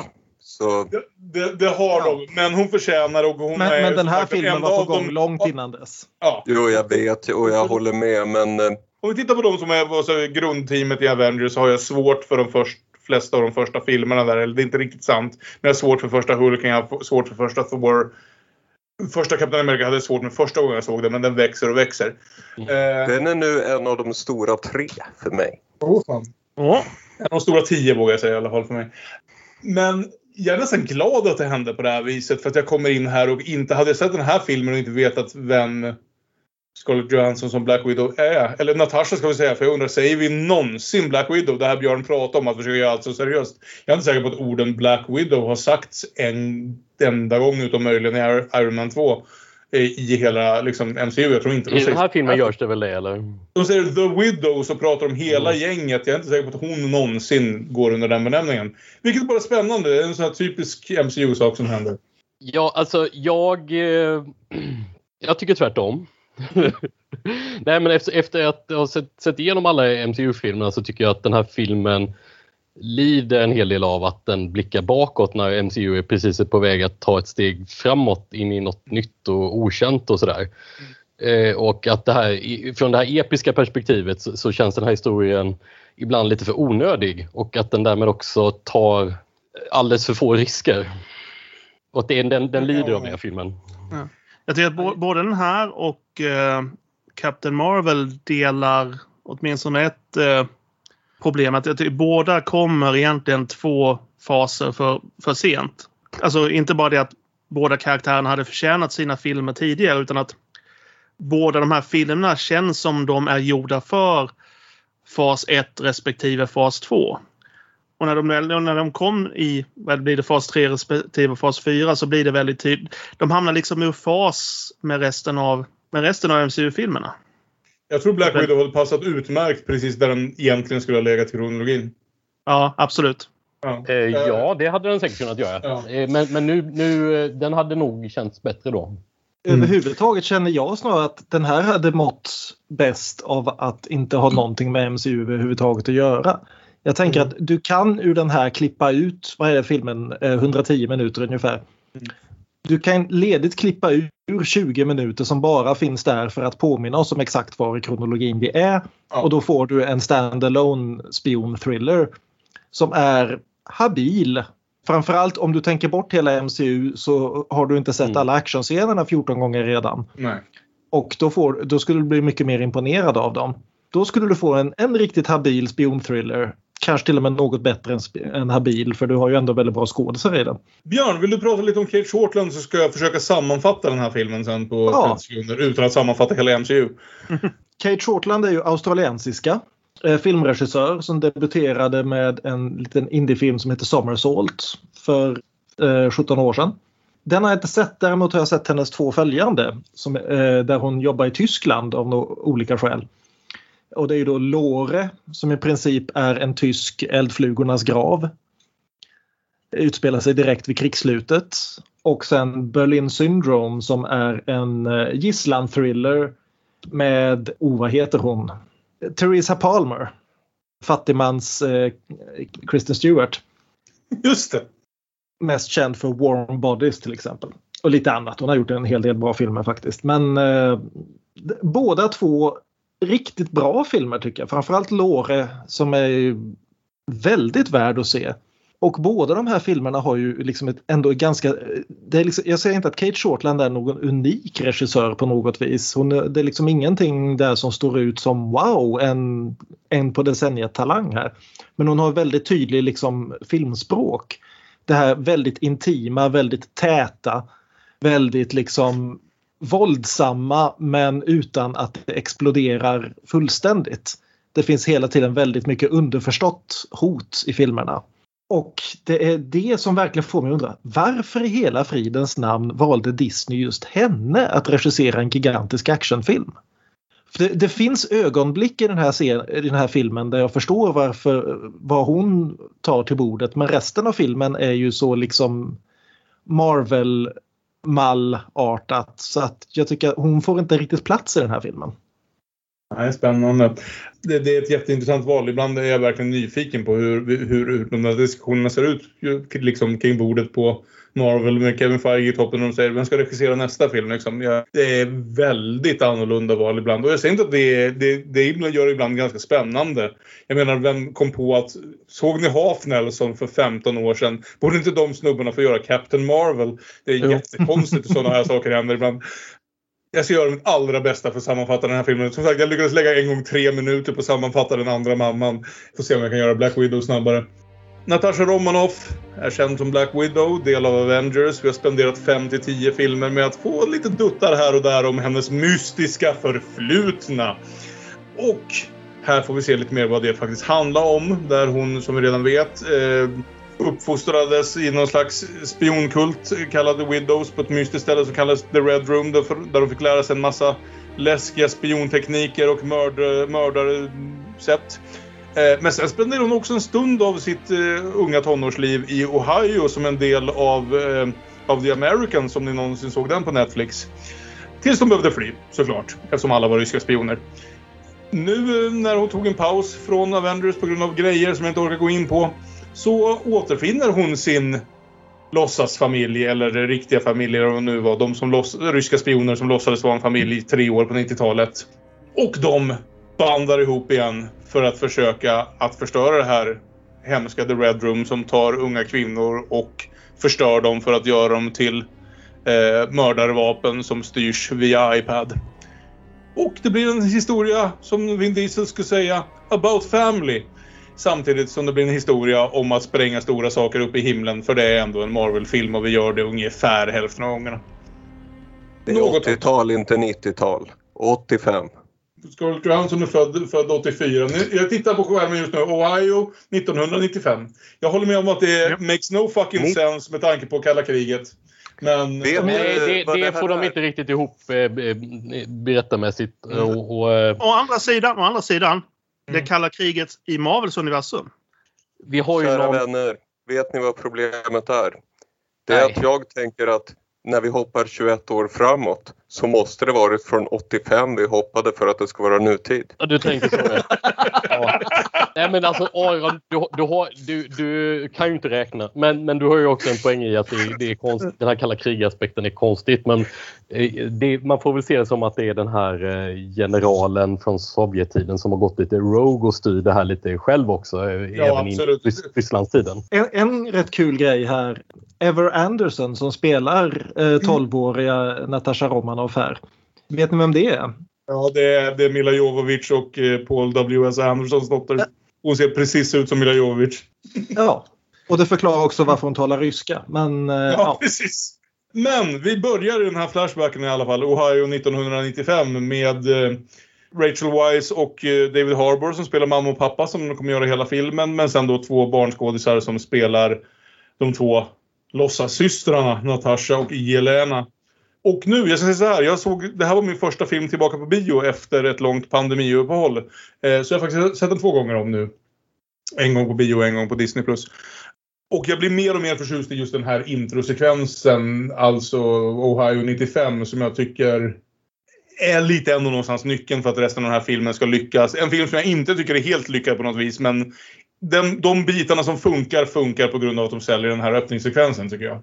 Eh, den, den, här scenen där de lyssnar på amerikansk musik i bilen och den unga Natasha längtansfullt tittar mot en fotbollsmatch. Jo, vi ska lämna Amerika. Jo, visst. Men också med hon, med hon som har, ska vi säga, kommit från Ryssland, kommit från the Red Room och vet precis vart hon är på väg tillbaka till. Inte bara mm. Amerika mot Ryssland utan bokstavligt talat Amerika där hon haft någon form av frihet och möjlighet att liksom leva som ett barn till, tillbaka till aktivt slaveri i någon bemärkelse. Men visst. americana-bilderna just där när de åker i bilen kanske blir lite överdrivna. Men, men som sagt, det är väldigt stora vibbar av, av eh, tv-serien The Americans här. När vi ser Rachel Weisz och David Harbour som två ryska spioner som är beredda liksom i en handvändning att lämna allt bakom sig och, och fly för sina liv. Eh, Sämre influenser kan man ha. Sämre influenser kan man definitivt ha. Och då är det klart att de inte når till de höjderna här så kort. Men jag är ändå ganska förtjust i den här. Jag tycker barnskådisarna säljer det. Jag tycker konstigt alltså Rachel Weisz är ju uppenbarligen odödlig. Men till och med David Harbour säljer på något sätt den här liksom föryngringsprocessen. Inte ens säker på att de behövde använda den här dåliga CGI-makeupen som de brukar göra på, på andra folk på honom. Och överhuvudtaget tycker jag att den här tidiga sekvensen liksom säljer den här konstiga familjedynamiken där de inte är en familj men de har levt som så så länge att de i alla fall har börjat eh, bry sig om varandra i någon bemärkelse. Och att den blir liksom intensiv eh, på ett sätt som eh, nästan, alltså till en början börjar den här filmen på det som Björn pratade om, på det lilla planet. Att jag bryr mig, det handlar inte om hela världen. Det handlar om den här familjen och hur de ska ta sig ut med livet i behåll. Så, så, så, så, jag är ganska såld på den här första kvarten eller vad det kan vara. Jag vet inte hur ni andra känner om den. Och, eh, som sagt, jag kanske är den enda som har sett den två gånger och eh, andra gången jag visste vart vi var på väg så var jag nog mer förtjust i den. Jo, men jag kan skriva under på att det är en bra början och jag tycker väl eh, inte minst att David Harbour som, som Red Guardian tycker jag jag tycker han lyckas med det mesta i den här filmen. Jag gillar honom ganska mycket. Jag, jag uppskattar att han får tramsa loss och att regissören ändå lyckas få det att passa in i filmen rätt bra. Eh, trots att inte allting annat är... Det är mest han som tramsar. Men, ja, men, och han tramsar hela tiden. Det... Ja, men jag, jag tyckte om det. inte, inte, inte början här. Jag tycker inte han är så tramsig i introt. Nej, okay, han visar en annan sida om när han liksom ja, varit aktivt. Ja. Eh, och jag tycker också att det som säljer den här att det är liksom inte bara någon slags åh familjen som slits itu utan det faktum att det ligger något mörkt redan i det. Är ju när de väl landar i Kuba. Mm. Och han försöker trösta dem medan liksom ryssarna stoppar sprutor i nackarna på, på hans eh, citattecken döttrar. Och hur han spelar den scenen som är liksom en jävla balansgång han är jävligt obehaglig där. Och ja, det, det, liksom i, det i kontrast hända, till han, hur tramsig ja. han är senare är, är kanske snarare det som gör hans karaktär då möjligen. Eh, alltså för, för, även folk som, eller vare sig folk gillar eller inte gillar den här filmen. Mm. Så finns det liksom två saker som, eh, som folk är överens om, de tenderar att vara överens som fungerar eller hyllar. Och den ena av de två är David Harbour. Mm. Och det är med all rätt tycker jag. Mm. Jaha. Vad säger du Aron? Jo, han är väl okej. Okay. Men att han är liksom någon slags MVP är ju bara galenskap. han är där som comic relief. Och det är han... Ja, från den här punkten. Ja, precis. Resten av filmen är han comic relief och han är sällan något annat än comic relief. Mm. Han, han, är inte min favorit men, men jag förstår varför han är många andras. Kan man väl säga jag tycker han gör ju jobbet han har fått väldigt väl. Ja. Det är en lite konstig eh, övergång från den han spelar i den här tidiga liksom, Flashback-scenen. Eh, Men det kan man ju förstå. Ja. Först som eh, tragedi, sen som fars. Sen så kommer vi dock in i själva den här, vad ska vi kalla det, liksom, titelsekvensen. Där jag, alltså det är ju väldigt mycket det här, det här som vi diskuterade lite med Punisher Warsen också, men liksom hur mycket mörker från verkliga världen är ansvarsfullt att ta in i den här låtsasvärlden. Och hur mycket vill vi låtsas liksom som att vi faktiskt pratar om verkliga, eh, verkliga världsproblem när vi samtidigt vet att det är en MCU-version av det som aldrig kommer kunna gå in på djupet. Och min gräns gick någonstans kring när vi försöker få saker att se ut som liksom faktiska flickor blir traffickade och allt ska se ut som Lilja Forever samtidigt som en dålig cover på Nirvana spelas i fem minuter. Eh, så jag lackade ur lite grann båda gångerna. Men var det inte kul att se Boris Jeltsin igen? Jo, det var det. Det var kul att... Eh, att det var tio år sedan. Det var kul att photoshoppa in Ray Winston som vi ska säga spelar den stora ryska superskurken i det här eh, bredvid Bill Clinton. Det var, det var kul när det hände i Forrest Gump och det är fortfarande kul. Jag är Men... väldigt förtjust i förtextsekvensen. Jag du är den var skitsnygg. Ja, jag tycker den var skitsnygg. Jag tycker den är snygg. Jag tycker den går över gränsen på vart jag är bekväm med vad vi... Just eftersom jag vet att Marvel aldrig kommer ta sådana här ämnen på faktiskt allvar. Mm. Så Nej, nej precis. Det, Fair det, point. det, det känns lite grann lånad eh, glans här liksom. Sen är det bara recap av Civil War igen. För den här filmen utspelar sig efter Civil War och ni som inte minns Civil War så är Black Widow på flykt. Eftersom hon eh, var med de som, av Avengers som behövde åka på flykt. Så hon är jagad. Hon drar till Norge. För det gör man ibland. Och- Hon och säger det- också jag är klar. Hon tänker lämna alltihop. Och, och Och den här var lämnar biten... man allt? Man åker till Norge. Som Ja. Ellen vet, när allting är kört. Hej Ellen, vår enda trogna lyssnare. Ja, nej, men den här biten gillar jag. Här känner jag igen Shortland också. Just de här liksom scenerna där hon försöker anpassa sig till ett ganska stilla liv i en husevagn Ja, nå- nå- någonstans längs norska nordkusten. Hon tittar på Moonraker på en, på en eh, vad heter det, Macbook. Ja. Och eftersom det är Norge så har hon spenderat sina sista slantar på, på ett sexpack folköl och har inte haft råd med bensin. Nej, precis. Och, och, och, och jag, att att hon inte har åkt- åkt över till shoppingcentret i Charlottenberg redan. Det, alltså jag hade velat ha en hel film med bara liksom Natasha Romanoff som hänger i Norge. Ja. Det här är en spin-off för en Nordic Noir som hade, jag faktiskt hade tittat på. Mm. Det, är mycket sånt. Men vi har mycket annat vi behöver se också. Som till exempel att hennes lilla syster då såklart också har blivit eh, hypnotiserad lönnmördare. Hon dödar en kvinna som kastar en liten röd skit i ansiktet på henne. Och helt plötsligt är hon inte en hypnotiserad lönnmördare längre utan kommer ihåg vem hon faktiskt är.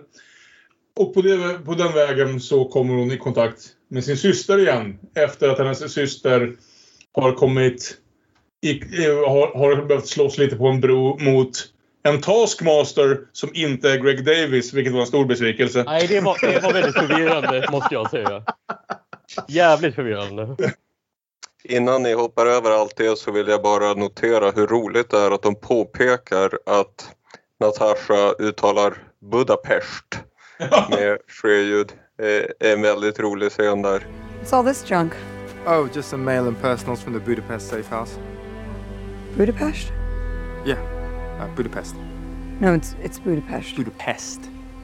Bud- Budapest. Budapest. Whatever. I knew you weren't going back there, so I've got someone else in the flat now. De kör det fram och tillbaka.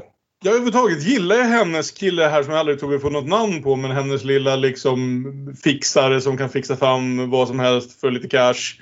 Till, till hemliga agenter som hon verkar lita väldigt mycket på. Han är en kul karaktär som hon har god karisma med. Natasha Romanoff som de har så här, flörtat lite med att para ihop romantiskt med eh, tre eller fyra av liksom, de andra Avengers. Har till slut faktiskt liksom, eller vad heter det, lite kemi med någon. En snubbe. Mm. Eh, som inte är någon. Och hon ser honom som en vän. Åh Natasha, din killsmak. Mason va? Säkert. Det är extremt möjligt. Det låter som ett typiskt namn man glömmer. Men så slåss de på en bro med Taskmaster. Ja, och, det blir lite eh, action. Björn blir- sa det här att eh, vi har sett alla actionscener tidigare men eh, som han också sa här är någon som behöver Ipren efter en fight. Jag tyckte våldet kändes mer i den här än i de flesta. jag, jag kommer gnälla på actionscenen om en liten stund. Men just den här fighten på bron tycker jag funkar. Ja, ja, men det här är ju verkligen en unik fighting-scen i MCU i och med att den här Taskmastern som inte är Greg Davis alltså slåss med hjälp av en rund sköld som kan blockera allting. Wow! Ja, det vilken grej! Det. Att ingen har kommit att tänka på det här förut. Jag har Att sett i någon annan film. Fortfarande ingen skjuter honom i knäna. Gen generellt i den här filmen så, så tycker jag väl att jag tycker actionscenerna mestadels är ganska röriga och inte så väl Ja. regisserade. Men det blir värre. Ja, det blir definitivt värre. Ja, hon inser att mördarmaskinen inte är ute efter henne. Hon är ute efter den här mystiska posten från Budapest safehouset. Och där hittar hon provrör och en bild från hennes barndom med syrran. Så hon åker till Budapest, som jag tänker uttala det. I Budapest så springer hon i alla fall ihop med sin syster eh, spelad av Florence Pugh. Återigen, fantastisk skådis. Vad fan gör hon här? Hon lever loppan. Ja, Härligt. som... Och så får vi en sån här 20 minuters Marvel action scen som vi har sett förut. Kommer att se igen. Ja. Dessutom har vi, har vi redan sett det, om man har sett eh, Killing Eve så kändes det här som en, en Jag tänkte säsongen. precis säga det. Så, Jag kän, tänkte så kändes det som, aha, okej, det har jag sett i Killing Eve, kan vi spola framåt lite? Vad snackar ni om? Lesbiskt sex och syskon som kivas är inte samma sak. Men, men hur som helst, så för, först fightas syrrorna, sen upptäcker de att det är andra efter dem, nämligen ett helt koppel med lönnmörderskor och då fightas de mot dem. En svensk! Det är en Jaha. svensk som är där och säger uppfattat. Ja, Ja, hon, hon som dör är det, det som är svensk va? Vi ska också säga att på den norska radion pratar de svenska med konstig brytning. Så jag menar, det är mycket språkförvirring. Kunde de inte ha haft råd med någon som kunde en ordentlig norska ändå? Det, det, det, det är typ, ja, de pratar svenska med amerikansk brytning eller något i den stilen. Jag trodde det var norska. Svenska med konstig brytning är ungefär vad de sysslar med. Ja, fast det är ju en amerikansk brytning. Det, det, vi får i alla fall lång, lång, lång biljakt genom Budapest hela vägen ner i tunnelbanan. Och så ytterligare en jävla bågskytt. Vad va, vad är det med Marvel och deras övertygelse att pilbågen är det ultimata vapnet? Jag, jag efter fattar inte det. Sköld och sköld, Sköld och pilbåge, vad fan det här är- det, det är liksom... Men, men, Ja. men ta, nu, nu är ju ta, Taskmasters hela grej är ju kopierandet. Ja men va, det är väl en jävla dum superkraft. Kopiera de sämsta jävla vapnen. Ja, alltså har Taskmasters aldrig slagits mot Turtles så, så, kom, de, så jag kan kopiera någon av dem istället. Lite nunchucks. Jag tycker att actionscenen i den här filmen stadigt går neråt. Jag vet inte vad du var, vilken scen du var ute efter att prata om Fredrik. Men jag tycker brofighten är bra. Med Marvel-mått mätt. Vi har redan diskuterat lite hur Marvel med vissa undantag klantar sig på skurkar ofta. Eh, samma sak gäller ungefär actionfilmer. De har gjort 25 filmer. Jag skulle säga att kanske högst fem av dem är lyckade som actionfilmer. Alltså där jag tänker på att faktiskt actionscenerna är något som ger mig en kick i bröstet. Och liksom, eh, eh, Punisher Warzone är en bättre actionfilm än alla utom typ fyra MCU-filmer för mig. Det här, är in, det här är precis mitt i den smeten där jag aldrig kommer komma ihåg något som hände på actionplanet om ett bra tag. Hur som helst. Den här, Det finns någonting som Natasha inte vill prata om. Och nå- som hon utelämnar ur historien. Som det hennes då? syster pressar henne på. Vi minns i Avengers när Loke pratade om Du har rött i din liggare. Dreykofs dotter. Och nu är det dags att veta vad det var handlade om. För det berättar hon när de sitter inlåsta där i tunnelbanesystemet. Dreykov är alltså Ray Winston som jobbar igen med en kvinnlig regissör. Och eh, för att få fast denna Dreykov så sprängde hon även dottern. Och det har hon tydligen tyckt var lite ledsamt för henne. Hon, hon, hon är ju lite ledsen över sitt förflutna och har försökt rensa upp det. Och nu får hon dessutom veta från sin syster att fan, Röda rummet finns kvar. Dreykov lever. Jag, jag köper mer att, att eh, Svarta Änkan är ledsen för att hon råkade spränga ett barn än vad jag köper att Punisher är ledsen för att han råkade skjuta en random FBI-agent. Ja, man får, säga, man får ändå säga att den här filmen eh, anstränger sig lite för att sälja in det. Så att ja. Och det är också, hela den här filmen handlar ju om hur hon gör upp med sitt förflutna och hennes förflutna är ju väldigt kopplat till familj så att ha dödat ett barn är ju det, det är metaforiskt rätt trauma för henne. Och, och för alla som faktiskt uppskattar MCU när det är som bäst så vet vi ju alla att actionscenerna eller actionfilmsinramningen är någon slags svepskäl för att få gå på bio och se när, när två bra skådisar, två eller fler bra skådisar i de här rollerna har lite kul mot varandra i liksom dialogscenerna. Och jag tycker att det har varit mycket diskussion om hur bra Scardio egentligen är i de här filmerna. Jag tycker hon är solid. Hon sticker sällan ut men det är också lite av det karaktären har att göra. Jag tycker hon klickar bättre än nu här när hon får liksom en koppling till den här inte-familjen och framförallt eh, Florence Pugh som ju skiner lite som Jelena. Så den här scenen när de liksom faktiskt har flytt från 20 stycken lönnmördare och får sätta sig ner och ta en öl på någon mack och, pra- och retas med hennes väst och eh, lära känna varandra tycker jag ändå att här börjar det klicka. Här tycker jag filmen är bra. Det finns liksom ett bra segment här. Den här filmen börjar faktiskt handla om någonting. Men just Florence Pugh också. Eh, av de där de där två sakerna som eh, folk som, som vare sig man gillar eller inte gillar filmen. De gemensamma nämnaren som folk tenderar att uppskatta. Eh, så den första var ju eh, David Harbour men den andra är Florence Pugh och det tycker jag ännu mer är rättvist. Att det där håller jag med ännu mer. Att hon är liksom eh, bland det bästa med, med den här filmen. Här har pöbeln rätt. Men, men just det här också apropå liksom humorn i det. Det, det är liksom, humorn är lika återanvänd här som eh, actionscenerna är. Vi får det här och liksom Florence Pugh gör det jättebra alltihopa men det här att hon ska driva med att superhjältar alltid ska landa på, på tre punkter liksom. This this thing that you do when you whip your hair when you're fighting with the arm and the hair and you do like a fighting pose. It's a yeah, it's a fighting pose. You're a total poser. I'm not a poser. oh come on! I mean they're great poses, but it does look like you think everyone's looking at you like.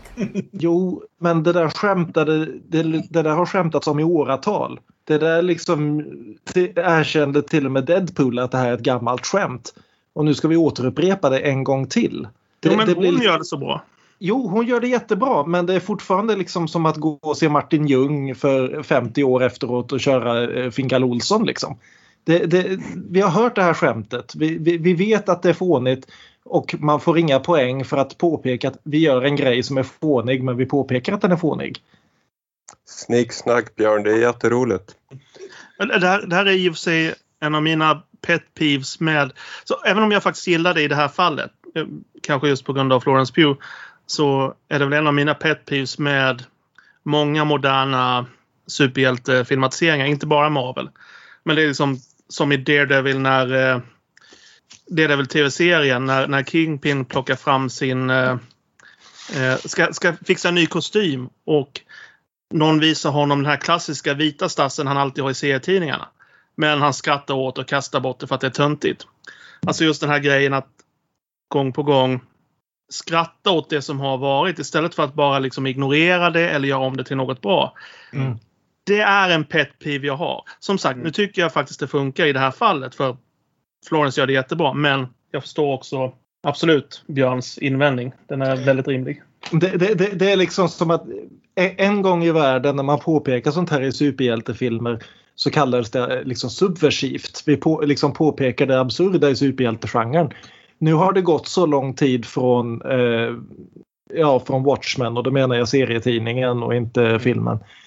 Att det finns en nostalgi i det här att vi vet precis vilka grejer av superhjälteserierna vi ska driva med. Och vi kör samma skämt om och om igen. Därför att det, det, är en lika förväntad del av det som att folk ska explodera. Olof, hur känner du kring filmen vid det här laget ungefär innan vi kommer in mot andra halvan? vid det här laget. Eh, jag saknar någonting och jag tror att det, det, jag, det jag saknar är att eh, om man nu ska göra en stor saga då, eh, filmisk saga, att, att, att sagan borde tillföras någonting. Alltså, MCU verkar ändå bygga på att det är någon slags framåtrörelse, nå- någon röd Mm. tråd och de här filmerna som fokuserar på en enskild person får, får den personen chans att utvecklas sin, sin karaktär men, men den här röda tråden ska ändå föras framåt och eh, den här filmen står väldigt mycket still i det avseendet så det funkar inte i det övergripande perspektivet speciellt mycket. Och, och då hade jag haft mer överseende med det om man sa som Björn sa hade kopplat loss den från MCU för att ska jag vara ärlig så tycker jag inte den funkar som en MCU-film speciellt bra Nej. av det skälet. Nej, och det är lite svårt att tänka bort. När det ändå är en MCU-film. Och Björn, du låter inte heller direkt övertygad, men du, andra du kommer in med en viss vad ska jag säga, trötthet mot allt det här också till att börja med. Men som utdragen ur den stora MCU-helheten verkar inte du heller helt såld på det här. Nej, alltså sagt vi är knappt halvvägs igenom filmen. Nej. Men det, det är liksom, jag väntar fortfarande på att den ska göra någonting som eh, inte 20 MCU-filmer redan har gjort. Och att det ska betyda någonting. För just det här att det är en prequel och att vi vet exakt var den kommer att landa och så vidare. Det spelar ju in. Speciellt som filmen verkligen trycker på att den är en prequel och påminner oss om det. Nej, nej men jag, jag väntar fortfarande på att den här filmen ska visa sitt existensberättigande. Vad är det ni vill berätta? Vad är det ni vill ha sagt här? tycker det är fint hur hon slåss mot ett antal varianter av sitt förflutna Mm. och hittar hur hon har hemma. Ja, slutrepliken kan vi avslöja redan nu är att hon trodde hon inte hade någon familj och hon visar sig ha två. Mm. Ja, tycker jag. Jag tycker den här filmen kommer klanta som en stund men till den här punkten och vid det här laget så som sagt är jag så insåld på vad det är att jag vet vad den gör. Att det blir ett victory lap för, Scar- för Scarlett Johansson innan hon liksom säger hej och, hej och adjö till det här och lämnar över stafettpinnen till Florence Pugh. Som ju vid det här laget har visat sig vara en alldeles utmärkt person att lämna över en stafettpinne till. Eh, och jag tycker det här är ett mycket trevligare Victory Lap än de väldigt självgoda Avengers, de två senaste. Jag håller inte med om, men det är en annan sak. De bestämmer sig för att de ska samsas och ta ner det röda rummet och då börjar ju det såklart med att bryta ut genom kaninöron. Pappa! Andrei eller The Red Guardian ur fängelset. Så han Alexei. sitter där. Ja, jag? Andrei säger jag. Och då kommer han ju tillbaka in i filmen som sagt mer som comic relief. Bra comic relief men of, sällan mer comic relief. Den lilla detaljen jag verkligen gillar, eh, som made me laugh, är att han har knogtatueringarna Karl Marx. Ja. Det är fint. Och, och återigen, här har vi en intressant miljö som vi tillbringar 45 sekunder i innan den övergår i en standard actionscen. Mm. Därför att, att följa hon, hans liv i fängelset hade kanske liksom ett av Sibiriens hårdaste fängelser som gammal sovjetisk superskurk. Det kunde ha varit intressant. Mm. Istället får vi här en lång, lång, lång actionscen som är kalkerad på den i Guardians of the Galaxy med lite influenser av Tomb of the Dragon Emperor. Det är kul med en lavin. Alltså vad jag, vad jag gillar här och jag t- tänker mig att det här är också som vad du, Kalle du sa att här börjar det liksom gå ner för, för dig. Mm, ja. Eller till och med tidigare. Det, det är lite tvärtom för mig. Därför att vad jag kände i den här actionscenen och jag tror att egentligen kanske det började tidigare men det var här som jag kunde formulera det. Att jag tyckte det vibbade starkt av James Bond action. Mm. Av, av Roger Moore-era James Bond action set pieces typ. Ja, men också Eh. nu filmen onekligen liksom säger direkt att den kommer liksom förhålla sig till när, den, när, när, när hon sätter sig och tittar på Moonraker av alla jävla filmer. Ja. Så det Ja, och eftersom långt- slutet av filmen också är en Moonraker-reboot så... Ja, och jag menar nu, nu är jag inte jag generellt sett speciellt förtjust i just Roger Moore Bond-filmerna. Men jag uppskattar referensen. Jag uppskattar att jag kände igen den kopplingen. Eller jag upp, jag upp, uppskattar att jag kände den kopplingen. Att, jag, att eh, det var lite där James Bond överdrivna. Det finns ett koncept i den här actionscenen jag gillar. Jag tycker här någonstans bör det märkas, tror jag, att en pandemifilm så här. För här någonstans bör det också dessutom specialeffekterna att faktiskt se lite taffliga ut rent för att vara på den här nivån. Det är väldigt mycket liksom green screen som ser ut som green screen. Eh, men sak samma. De bryter ut pappa. Eh, det betyder inte att de gillar honom. Men Utan de tar pappa är stolt. Ja. Och det blir ju en rolig återkoppling till den där Loke med rötteliggaren. You both have killed so many people. Your ledgers must be dripping, just gushing red. I couldn't be more proud of you. Jo. Och, och vi får tjata om återigen det här om att alla svarta änkor får livmodern utopererad och bla bla bla. Det är en jätterolig scen. Ja, jag gillar, jag gillar den just för att den för dig tillbaka till verkligheten. Någonting som han liksom inte... För han använder det här jävla mesta... eh, Det tråkigaste skämt man kan göra som en Colin. Men vadå, är det den tiden i månaden eller? Och får det tillbaka rätt i ansiktet. Nej, nej, för du skickade in oss i en jävla dödskult som slet alla de bitarna ur våra kroppar. Och det är liksom... Det spelas humoristiskt men där uppskattar jag det någonstans. För det återanvänder inte Joss konstiga vändning på det att, att inte kunna ha barn gör dig till ett monster. Nej, eh, eh, utan det Det var som snarare... sades i den filmen. Så jag uppskattar den återkomsten för att det är att ta det tråkigaste karaskämt man någonsin kan göra och slänga det rätt tillbaka i ansiktet på dem. Så jag uppskattar den scenen skitmycket. Överhuvudtaget är ju det här nu, startar ju den, den sekvensen som jag tycker ger den här filmen existensberättigande. Vilket är de här 20 minuterna när vi får se familjen tillsammans och samspel. Ja. När, när de sitter alla fyra runt bordet här då lyfter ju filmen lite grann i alla fall.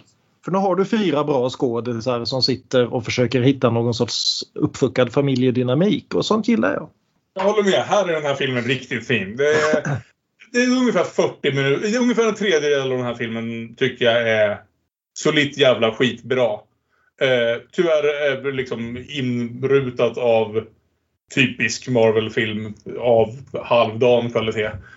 Så, så alltså just den här liksom familj... Alltså när de försöker återfinna den här familjedynamiken och eh, de inte kan låta bli att tänka på sina döttrar även fast de försöker, döttrarna försöker kämpa emot det. Och de långsamt upptäcker det här att ja, vi kanske fortsatte... Det är så kul för de ska liksom till synes dessutom vara på olika sidor av saken. För mamma då, eh, Rachel Weiss, är ju fortfarande aktivt en av skurkarna egentligen. Hon sitter ju här och genomför genexperiment, eller hjärnexperiment åt, åt skurkarna. Och de ändå liksom någonstans tycker om henne så mycket rent spontant, minns sina stunder med henne i det förflutna att de bara säger antar att hon är på deras sida. Vilket ju inte riktigt är så enkelt kanske. Jag tycker de bygger en fin familjedynamik här som, som sagt, Björn pratar om den här filmens existensberättigande och jag tycker den finns här. Därför att de här filmerna har jobbat så mycket med Natasha Romanoff som nästan en plot point ofta. Hon har väldigt ofta fått vara den som liksom står där och återberättar vart ska vi och varför ska vi göra det här och så här och fått något enstaka roligt skämt här och där. Men hon har Eftersom hon mest har förekommit i de här filmerna som har 28 huvudkaraktärer så gillar jag här att hon någonstans får vara ankaret i en film som egentligen bara har sex karaktärer. Ja, ty tyvärr så blir det ju liksom resten av filmen följer inte upp det på ett speciellt nej, sätt. Nej. Men, nej. Men, men, men den här scenen är fin och den slutar ju också med ett av de få komediögonblicken som eh, Alexei har som jag fakt faktiskt tycker funkar. För han har ju klämt i sig den här gamla trikån som är egentligen ja. 20 kilo för trång. Och när då The Red Room-agenterna strömmar in och ska tillfångata dem så ställer han sig upp och han får en sån här bedövningspil i sig. Han skrattar och liksom en riktig ryss får inte, och så får han typ 40 pilar till i sig. han försöker bevisa att han faktiskt bryr sig om dem på riktigt. De vägrar tro att han bryr sig om dem på riktigt. Eh, eftersom han typ gav upp dem i Kuba för 20 år sedan. Men stunden när han sätter sig ner och sjunger American Pie funkar fan hos mig. Something touched me deep inside the day. The music died. And they were singing Bye, Miss America Pie. Han sjunger den så dåligt men så hjärtligt och det funkar ju också bara på grund av Florence Pughs reaktion som är att först undra vad fan håller han på med, sen blir lite rörd och sen bara garvar rätt ut åt honom. Så jag tycker det är jättefint. Det är sådana karaktärsögonblick som gör, känner liksom gör att hela den här jävla serien av filmer funkar någonstans. När de hittar det där lite grann. När du kan ha en tjock ryss in, intryckt i en trikådräkt som sitter och sjunger Don McLean dåligt. Och liksom i en rysk stuga. Nej, men det är, jätte, det är jättegulligt. Ja, jag älskar uh, den, den, det ögonblicket faktiskt. And then, the, and then the movie ended. Eller hur? Om det bara vore så väl höll jag på att säga. För sen blir det ju... Istället så får vi, jag ska läsa högt här från mina anteckningar. Dreykov har palats i molnen som någon jävla Lando Calrissian. Det fanns ju en grej där. Marvel har delat in de här filmerna i faser. Fas 2 tror jag var sju filmer. Fem av dem slutar med att något stort skit hängde i himlen och typ kastade ner en massa skurkar eller tänkte falla ner på alla eller något sånt där. Och helt plötsligt får vi en återgång till det här. Det som typ alla jävlades med eftersom varenda film hade det ett tag där. Det hänger en stor skitsak mitt i himlen. Den kommer sabotera för alla om vi inte stänger den eller spränger den eller liksom släpper den. Och återgången till det här känns ju nästan som liksom ett metaskämt för jag fattar inte vad fan de tänkte med. Oh. Det är absurt. Jag förstår inställningen. Jag, jag, tror att det här var, och, men det här var också en av eh, grejerna som jag trodde jag skulle tycka För det, det, det, var väl ganska, det syntes ganska mycket i trailern också.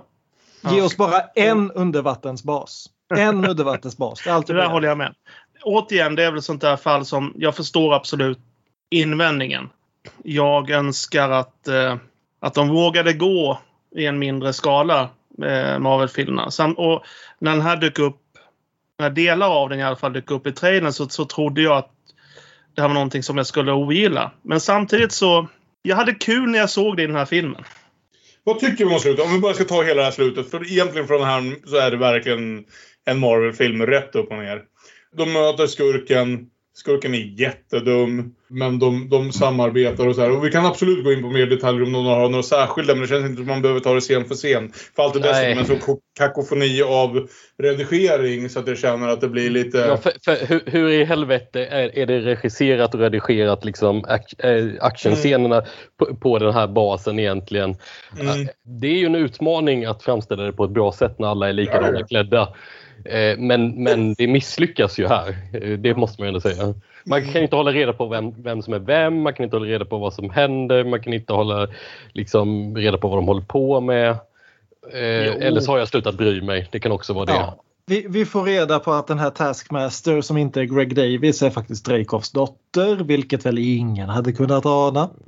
Det är ganska Eh, effektivt i Natashas historia. Om än inte filmens historia. Ja, ja, ja, Jag tycker, det- jag, tycker, jag tycker det är okej. Jag tänker inte Ja. något, något, något Det är liksom väntat men det, det är ändå rätt sak som händer. Och sen så har vi den här utfrågningstekniken som hon har när hon alltid verkar vara besegrad men i själva verket är det hennes sätt att förhöra skurken.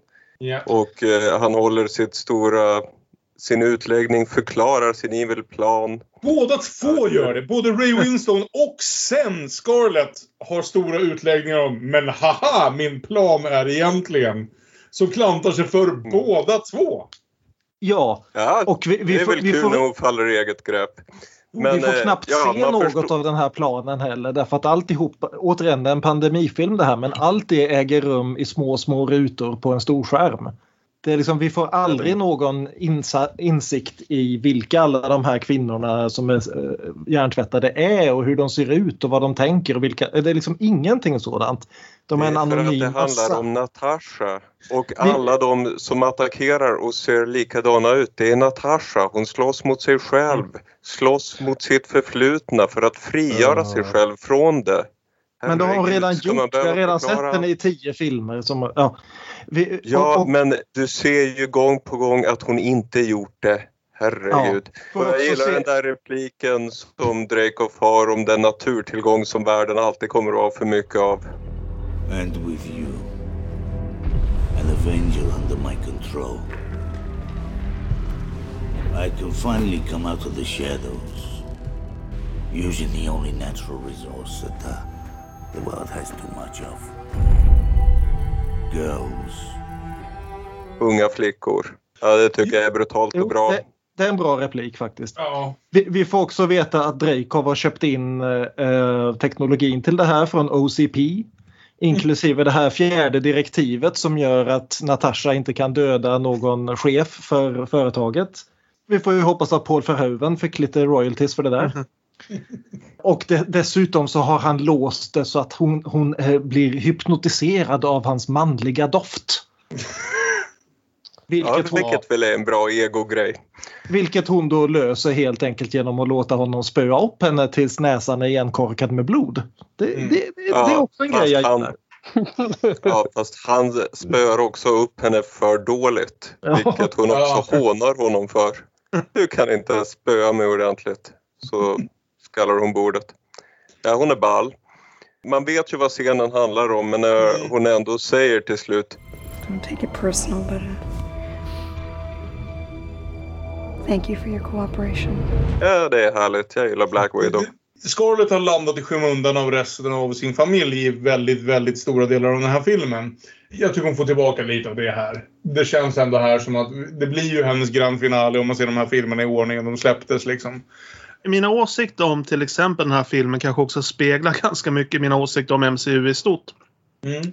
Jag håller med så, om så mycket av invändningarna på ett, på ett större plan, på en, vad ska man säga, som på en helhet. Men jag gillar detaljerna. Så, så många av de här grejerna som dyker upp i den här eh, flytande laren tycker jag ändå om kul. Så, som liksom hela grejen med Ray Winston, som hela Natashas eh, eh, förhör eller hennes Mm, eh, mm. liksom näsbensgrejen och, och eh, det här avslöjandet eh, med hennes mamma maskerna. Alltså alla de här grejerna för sig.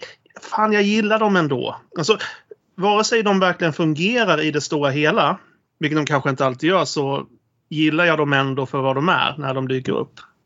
Allt det här är hyfsat habilt för ja, de dödar skurken, kraschar basen, familjen gillar varandra och hon återvänder för hon är ju med i två filmer till innan hon dör.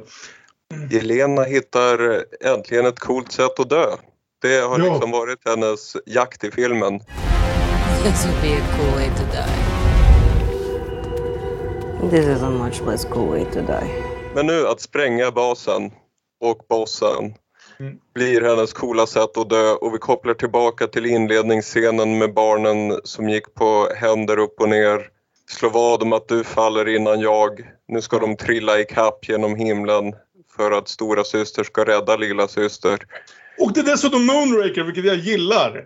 Så Moonraker börjar med att James Bond hoppar ut ur ett plan ut ur en fallskärm. Och hon så hinner ikapp Jaws för att ta Mm. hans fallskärm. Men det är ju en Moonraker-reboot ju.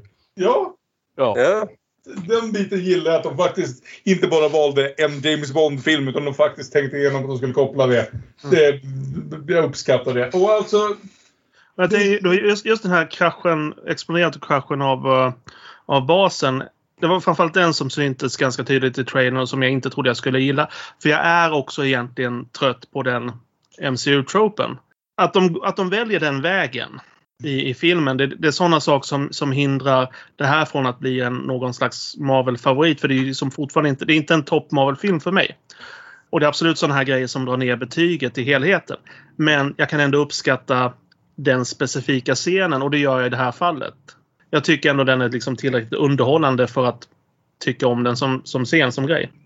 Det finns ju andra som jag ogillar mycket mer än, än den här. Kan väl ändå tycka att den här är underhållande och att det kanske menar jag när jag analyserar den så tycker jag inte riktigt att den funkar för mig. Eh, Nej, när ni analyserar den så låter den ju jättedålig. Ja, nej men den är ju inte jättedålig. Förutom ibland när den är det. Jag tycker aldrig den är aktivt jättedålig. Jag tycker bara att den går mellan klarheter till tråkigheter. Alltså det finns alltid stunder när jag zonar ut i den här typen av MCU-filmer. Oftast när saker börjar explodera och man inte ser vad som är stunts och vad som är CGI längre. Dessutom säkert ett pandemiproblem. Riktigt dåliga specialeffekter ibland på slutet här. Eh, Den, den, här scenen där vi ser väldigt tydligt att Ray Winston blir sprängd i bitar i den här explosionen. Bara så att vi verkligen inte ska tro att han kommer tillbaka. Det är liksom, men, men herregud. Ja. Det, det där hade, jag menar CGI-effekterna i Punisher Warzone är ganska dassiga. Men jämfört med det här så är de ju för fan Terminator 2. Det är väldigt konstigt alltså. Ja. Eh, Det var ju som okej att han dog, verkligen dog tydligt den här gången eftersom det var en grej att hon, hon trodde han var död men ja okej då. Det Där finns andra sätt att visa att någon är död än att se hans huvud flyga mot skärmen som en eh, eh, outtake från Jaws 3D. Nej, Det är väl bara glasögonen som flyger. Ja, men Ännu värre. Det är nog så att, att, att det som är mer dramatiskt i den här filmen funkar så väldigt mycket bättre. Eh, Alltså dramatiskt som i familjedrama och så. Det, fun- Ja, det funkar så väldigt mycket bättre än actionscenerna.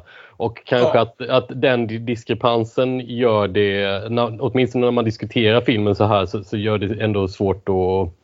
Alltså den får inte ihop de bitarna riktigt. Det, det är Men väl jag det. tycker actionscenerna också är familjedrama. Nej men det är väl det jag inte tycker då. Det, det är ju en ganska avgörande del om eh, man får ihop det eller inte. Jag bara läste in det. Jag kommer bära med mig introt, alltså allting 1995 Ohio och allting i runt det där middagsbordet. Eller rättare sagt allting den där, den där korta scenen, scenen när ingen slåss mot varandra utan allt bara de fyra i liksom grisladan där och hon med en iPad svingar en gris att inte andas längre, vilket vi inte hann prata om. Allt det är fan solid, riktigt bra MCU. Och sen finns också resten av filmen. Där någonstans landar väl jag. Solklart den åttonde bästa MCU-filmen. Och jävlar Aron! Men jag tycker kanske sämre om vissa än vad ni gör. Eftersom du tycker, Kalle, att det finns tio jättebra så vet jag inte var du hittar dem. Vi har ju inte tid att lista alla våra MCU-filmer Nej, det är, det, specialavsnitt när Björn inte tänker vara med. Till, Vi, till, vi, vi nämnde inte att det kommer en post-credit-scen också där vi då får se Jelena besöka Natashas grav och bli rekryterad av Elaine Bennes. Jag gissar att det här är någon tv-seriehistoria. Ja, Elaine Bennis har dykt upp ungefär lika mycket i Falken och Snömannen som vi kallar den. Precis. Den har jag Och här allt håller på och värvar. Och specifikt, specifikt blir hon ju rekryterad att döda Clint Bartlett vilket jag tycker låter som en för, förträfflig idé. Och jag skulle gärna se det om jag för en sekund trodde att Marvel skulle döda någon som fightas med pilbåge. Men vi vet ju vilket överlägset jävla vapen det är. Så hon kommer ju naturligtvis, det vet vi ju redan, hon kommer att inse att eh, han är faktiskt inte så eh, Om, om, om, vi han vet att det är något som... Det betyder i alla fall att man måste se Hawkeye eftersom eh, tv-serien Hawkeye eftersom. Florence Pugh tydligen kommer att vara med där. En del av temat i tv-serien är ju också att eh, Clint Barton ska träna upp en yngre förmåga till Hawkeye. Så jag menar förhoppningsvis lämnar han över bågar och titel till en mycket coolare Kate Bishop och dör i slutändan. Man kan ju hålla tummarna i alla fall. Vi är fem av fem som hoppas att Hawkeye dör i serien Hawkeye. Alltså jag älskar karaktären Hawkeye i tidningarna. Jag har jättesvårt för Jeremy Renner.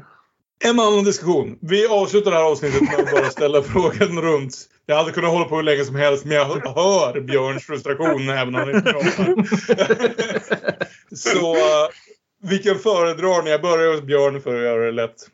det är ju ingen konkurrens ens en gång. Pu- Punisher Warzone är en roligare film, en mer spännande film, en inte mer välagerad film men en bättre film vill jag säga. Black Widow är mer välgjord på de flesta plan men den är så förbålt tråkig och onödig. Inte hela tiden men alldeles för ofta. Det finns flera bitar i filmen som jag verkligen uppskattar. Hela introt, hela biten i Norge även om den är bara 90 sekunder. Eh, hela familjedynamiken, eh, liksom dynamiken mellan Scarjo och Florence Pugh. Det där, jag gillar det men jag förstår bara inte vilket syfte utöver att tjäna pengar fyller den här filmen. De- Den, den är onödig. Den, den säger ingenting. Den har inget att göra. Fredrik Adolfsson. För mig är det också en, eh, ett givet svar. Jag gillade mycket med eh, Punisher Warzone. Men samtidigt inte så mycket. Alltså det var liksom väldigt specifika en väldigt specifik del av filmen och resten, det vill säga det som försökte vara handling till exempel, en hel del av skådespeleriet och så vidare, var för dåligt för att eh, det väger inte upp liksom de negativa grejerna. Black Widow för mig är inte en topp MCU-film. Däremot ligger den nog ganska stadigt i, i mitten någonstans. Kanske, kanske i eh, början av eh, eh, andra halvan eller något sånt där. Den har liksom saker som jag älskar. Den har saker som jag verkligen inte älskar som, som jag har jättesvårt för. Den stora helheten blir väl en liksom, ja men en kompetent actionfilm, en kompetent MCU-film som jag inte älskar, eh, inte hatar och tycker ändå är helt okej i slutändan. Olof ska bli intressant för jag tror inte Olof gillar någon av de här filmerna. Nej, det är, det är, det är frågan. Jag, jag eh, har väl eh, ganska mycket problem med båda de här filmerna. Jag tycker ändå det är ganska klart att det är mer som jag gillar i Black Widow än i Punisher Warzone. Okej.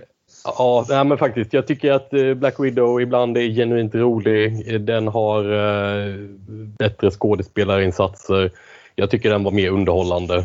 Ja, jag tycker bättre om Black Widow. Aron, du verkar ju älska Black Widow, så, men du verkar också ha uppskattat Punisher Warzone. Så Jag vet inte om jag älskar Black Widow men eh, åttonde bästa MCU-filmen. en solid trea. men jag föredrar Black Widow. Av alla skit- de orsaker jag sagt. Ja. Det är skitnära för mig, men jag, jag uppskattar vad, vad MCU gör när de får till de här karaktärsögonblicken som sagt. Och även om humor, även humorstunderna kan kännas återanvända så hittar de alltid bra skådisar att göra det. Men uppenbarligen får jag ungefär en miniserie i månaden nu som gör ungefär det här och är ofta bättre. Det var länge sedan jag såg människor bli skjutna i ansiktet så jävla ordentligt som de blev i Punisher Warzone. Vi kör en gissa den tredje. Gissa den tredje. Ja, Punisher vill jag ju egentligen helst dubbla med Detective Crashmore. Men den finns tyvärr bara som en trailer i sketchserien I think you should leave på Netflix. Ja, kollar ni på den? Den är så rolig. Jag har en annan men först Detective Crashmore. Det är en snut på hemturné som slaktar skurkar. Och eh, den här Detective Crashmore han spelas av tomten. Och det finns en uppföljarsketch där, där tomten blir jävligt sur när intervjuare vill prata om annat än hans skådespelande i intervjuer. Så det är jätteroligt. Men jag har en annan film som faktiskt finns, även om den knappt finns. För på allmän beskådan finns den endast som en VHS-ripp från en tv-inspelning. Men det är Nuncio från 1978. David Proval, känd som den farlige Richie i Sopranos, spelar en ung man i Brooklyn med en eh, lättare mental funktionsnedsättning. En eh, naiv och snäll ung man som gillar att tänka att han är Stålmannen. Och det är ju inte lätt att vara Stålmannen och det är inte lätt för hans familj.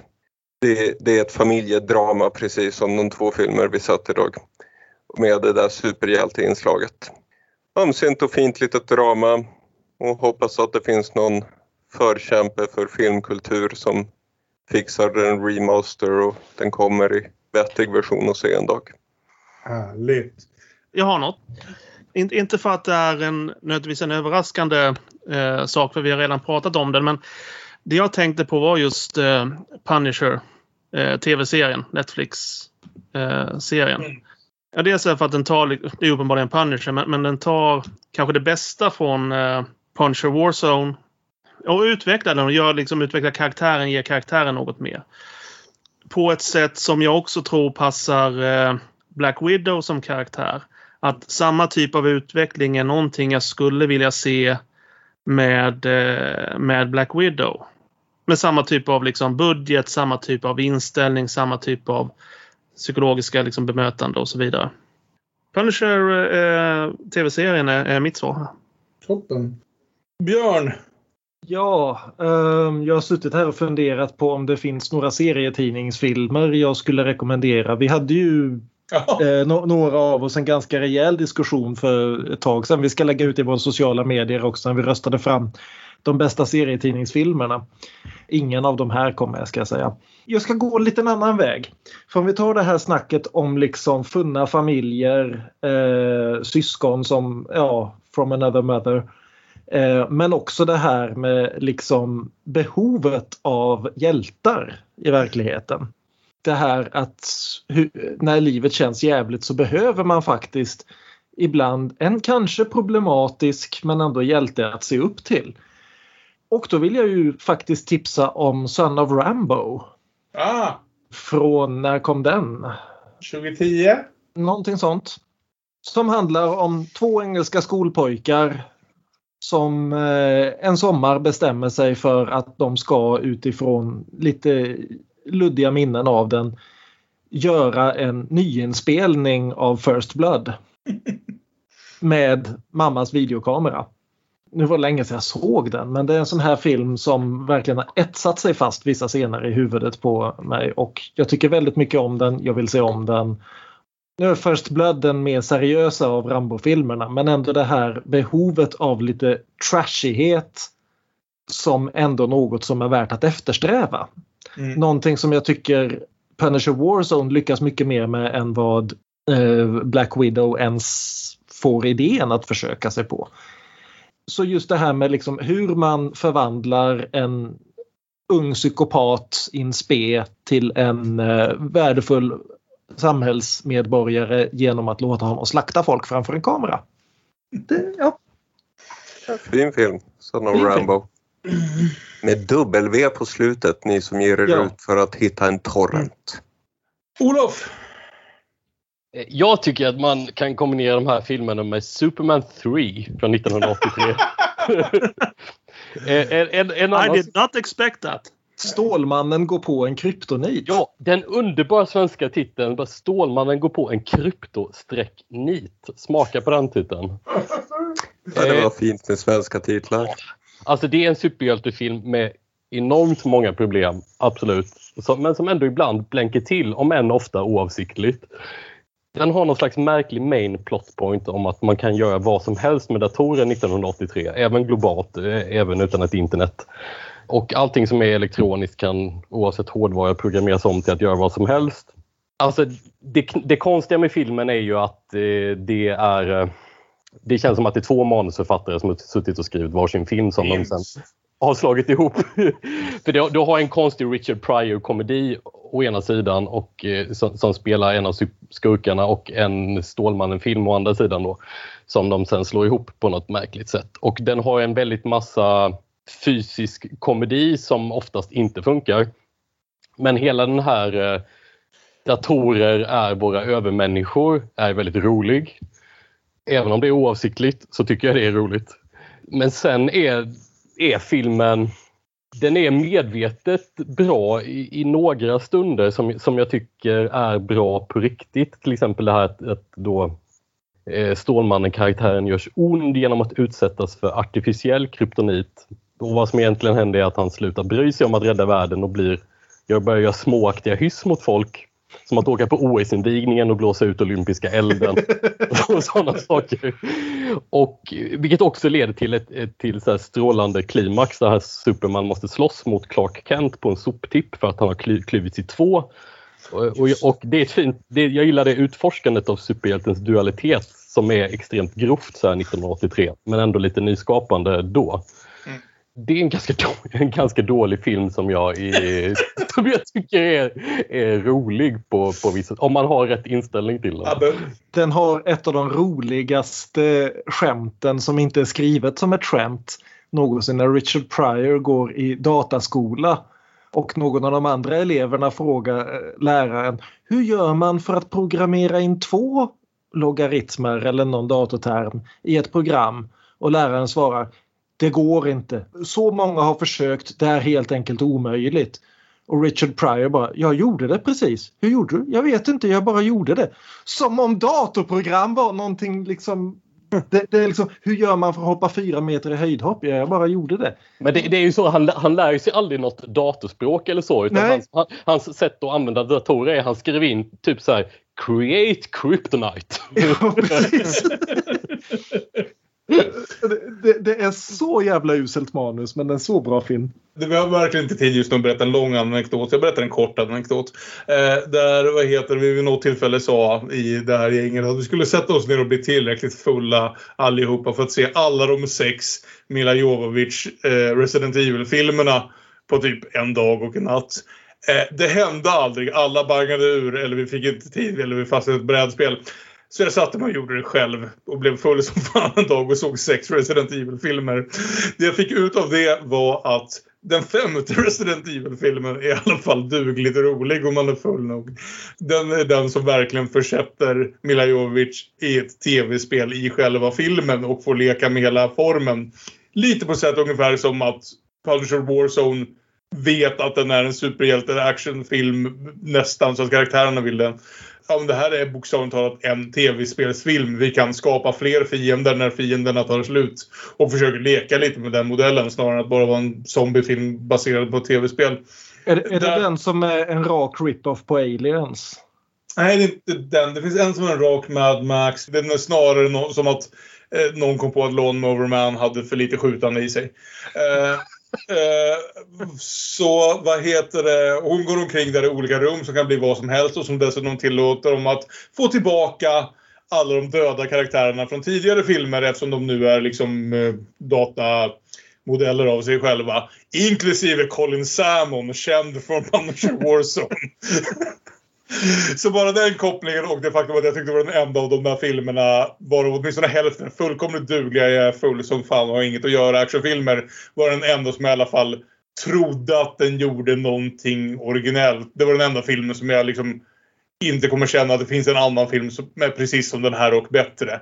Den var i alla fall en egen film och i stilen av Punisher Warzone väldigt duglig dum action att slå på vid midnatt någon gång.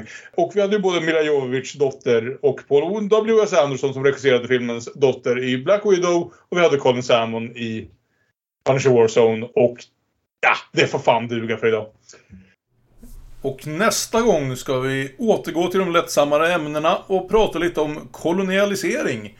Eller i alla fall filmer som utspelar sig på platser där kolonialisering är en stor del av det sociala dilemmat.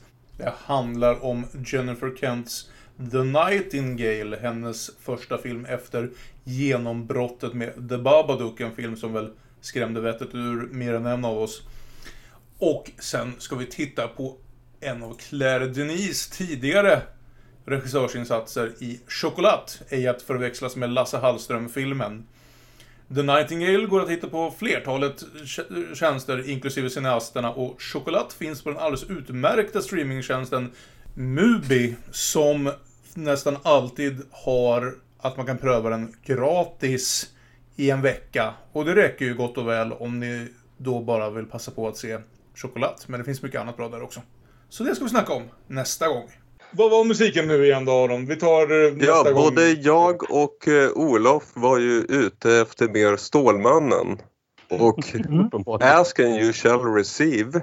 Så vi ska göra en låt om övermänniskor men också om att vaggas till sömns i algoritmens trygga armar och gör Laurie Andersons Oh Superman. Väldigt fint. Inte ett vanligt coverval men vi lever på the edge. Ni kan nå oss via de sociala medierna. Vi är at Damonpodden på såväl Instagram som Twitter. Vi är Damonpodden med Ä på Facebook. Och man kan mejla damonpodden.gmail.com. Det har hänt att någon har gjort det. Tack så hemskt mycket för det här avsnittet. Det blev långt men det var kul! Det var en diskussion vi behövde ha förr eller senare. Jag älskar er alla. Vi börjar närma oss slutet av säsongen. Vi får se. Vi har ett eller två avsnitt kvar. Ha det så kul tills vi hörs igen. Hej då! Hej då!